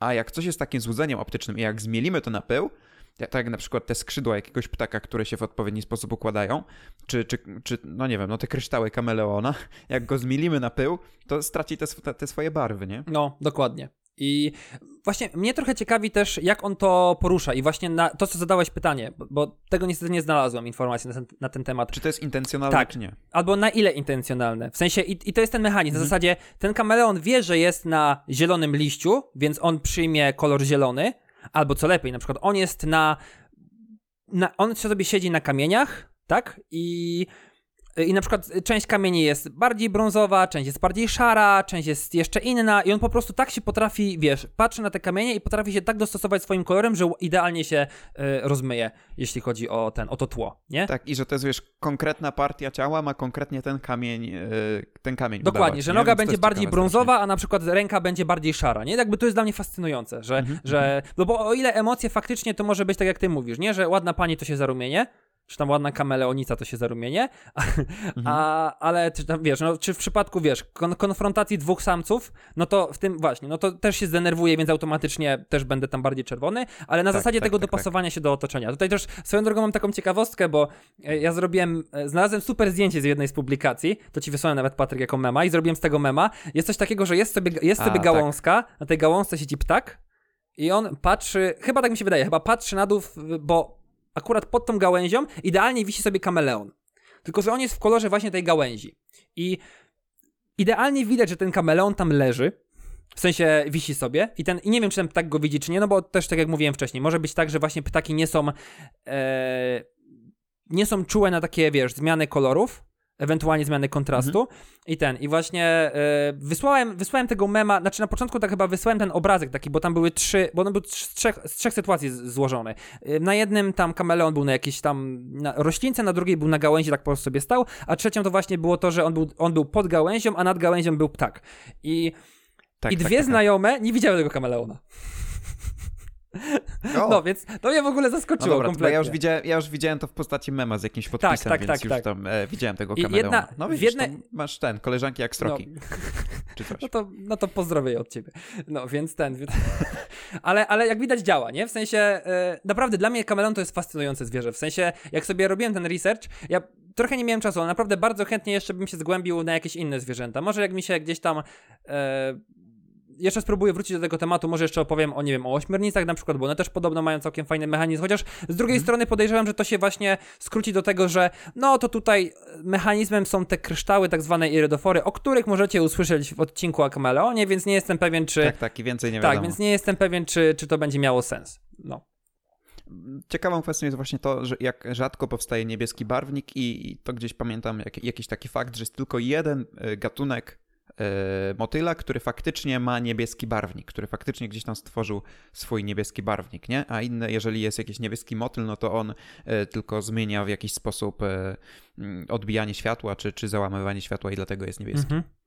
Więc to jest ciekawa kwestia, nie? W ogóle e, jak, e, jak, jak, jak, jak to załamywanie światła powstaje, w sensie jakie struktury muszą być, że na przykład, nie wiem, że pióra, jak są pióra, no to one się jakoś nakładają na siebie w jakiś, w jakiś odpowiedni kształt. No wiesz, tu mamy kryształy tak jak mówisz. No więc kryształy są dosyć takie, e, no, jak gdyby rozumiemy, dlaczego one załamują światło, nie? Mhm. A ułożenie ułożenie jakichś struktur w piórach to już jest, nie jest takie oczywiste, że to potrafi załamywać światło. No nie? tak, tak. W odpowiedni Mhm. sposób. I chyba tyle, tak mi się wydaje, jeśli chodzi o mój odcinek. Ja nie wiem, nie mam chyba już nic do dodania poza tym, co, co powiedziałem wcześniej. Nie wiem, czy tobie się jeszcze jakieś myśli kołtują w głowie na ten temat? Poza tym, co powiedziałeś? Chyba nie. Nie, chyba już, chyba, no właśnie chyba to wrzuciłem. Kameleony są super. To jest, to, jest, to jest na koniec moja No to myśl. prawda. No i Sympatyczne. I będziemy kończyć, myślę. Ja tylko dodam tak na koniec, że gdybyście słyszeli jakieś opóźnienia tak w stosunku tego, co ja mówię do Patryka, bo ja to wyczułem No na tak. nagraniu. Nagrywamy to zdalnie, więc tutaj trochę polegamy na jakości naszych e, połączeń internetowych, co być może w pewnym momencie zawieść i będzie słychać jakieś tam nierówności, jeśli chodzi o, o to, że jedna osoba chwilę czeka, zanim coś usłyszy. To jest coś trochę jak w telewizji, nie? E, halo, halo Patryku, nadajemy z miejsca. Tak, tak. Patryk? W Warszawie. Patryk, I wiesz, pada to pytanie i stoi mężczyzna i mhm. tak kiwa głową. Trzyma, trzyma jednym palcem słuchawkę w uchu i kiwa Mhm. głową. I po 10 sekundach tak, tak, dopiero Marku, mówi. tutaj w Warszawie. Mhm. No, wow, aż trąciłem mikrofon. Dobrze. Więc tak, więc jeśli byście chcieli coś dopowiedzieć do odcinka, nie wstydźcie się przede wszystkim, po to tutaj jest. My to sobie robimy dla, dla naszej zabawy, żeby sobie jakoś rozwinąć sobie nasze tematy. Jeśli chcecie coś uzupełnić, ewentualnie dodać, dodać nam jakąś sugestię, bo coś was interesuje, na przykład, nie wiem, stwierdzacie tak jak, tak jak ja zrobiłem ostatnie dwa odcinki, w sensie czy buty do biegania działają, czy nie wiem, czy ta odzież taka działa, coś takiego, macie jakieś takie zagadnienie, które stwier- stwierdzacie, że chcielibyście, żeby ktoś wam powiedział, sprawdzam, to możecie nam zasugerować. Oczywiście jeśli popełniliśmy jakieś błędy, babole zrobiliśmy, to jak najbardziej oczywiście też wskazać nam to, bo, bo ja, ja tutaj jednak się czułem na takim trochę nierównym gruncie. W sensie fajnie się o tym opowiadało, ale jest bardzo dużo niewiadomych dla mnie. I ten, więc wszelkiego rodzaju uwagi będą wskazane. Miłe, tylko może dodam.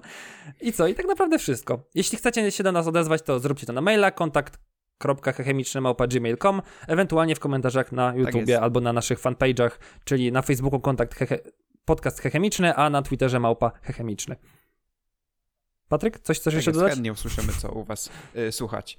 Y, czy ja chcę coś dodać? No, to faktycznie szkoda, że trochę mieliśmy dzisiaj opóźnienie i trochę może mniej, trochę obawiałem się dyskusji, znaczy może nie, że obawiałem się dyskusji, ale obawiałem się wtrącania, bo gdzieś tam chcę się wtrącić, czuję, teraz jest dobry Mhm. moment, a wtrącę się jednak dwie sekundy później. O tak, tak. Mhm. To nagrywamy to na Teamsie. Albo o, jeszcze gorzej, może opowiem jakiś żart i jest chwila ciszy i dopiero się śmiejesz. No tak. To jest gorsze. Ojej, faktycznie tak. E, dobra, no to żeby nie przedłużać tego odcinka, bo też chcieliśmy zrobić go trochę krótszego w założeniu, chyba nie wyszło za bardzo. Chyba się nam udało, tak patrzę, na, ale tak, tak delikatnie jest krócej. Może, po, może, po, może Idziemy poniżej dwóch godzin. Dobra, okej. Okay. No to co, no to no trzymajcie właśnie. się w takim razie. Słyszymy się za trzy tygodnie. Pa, pa. Cześć, pa.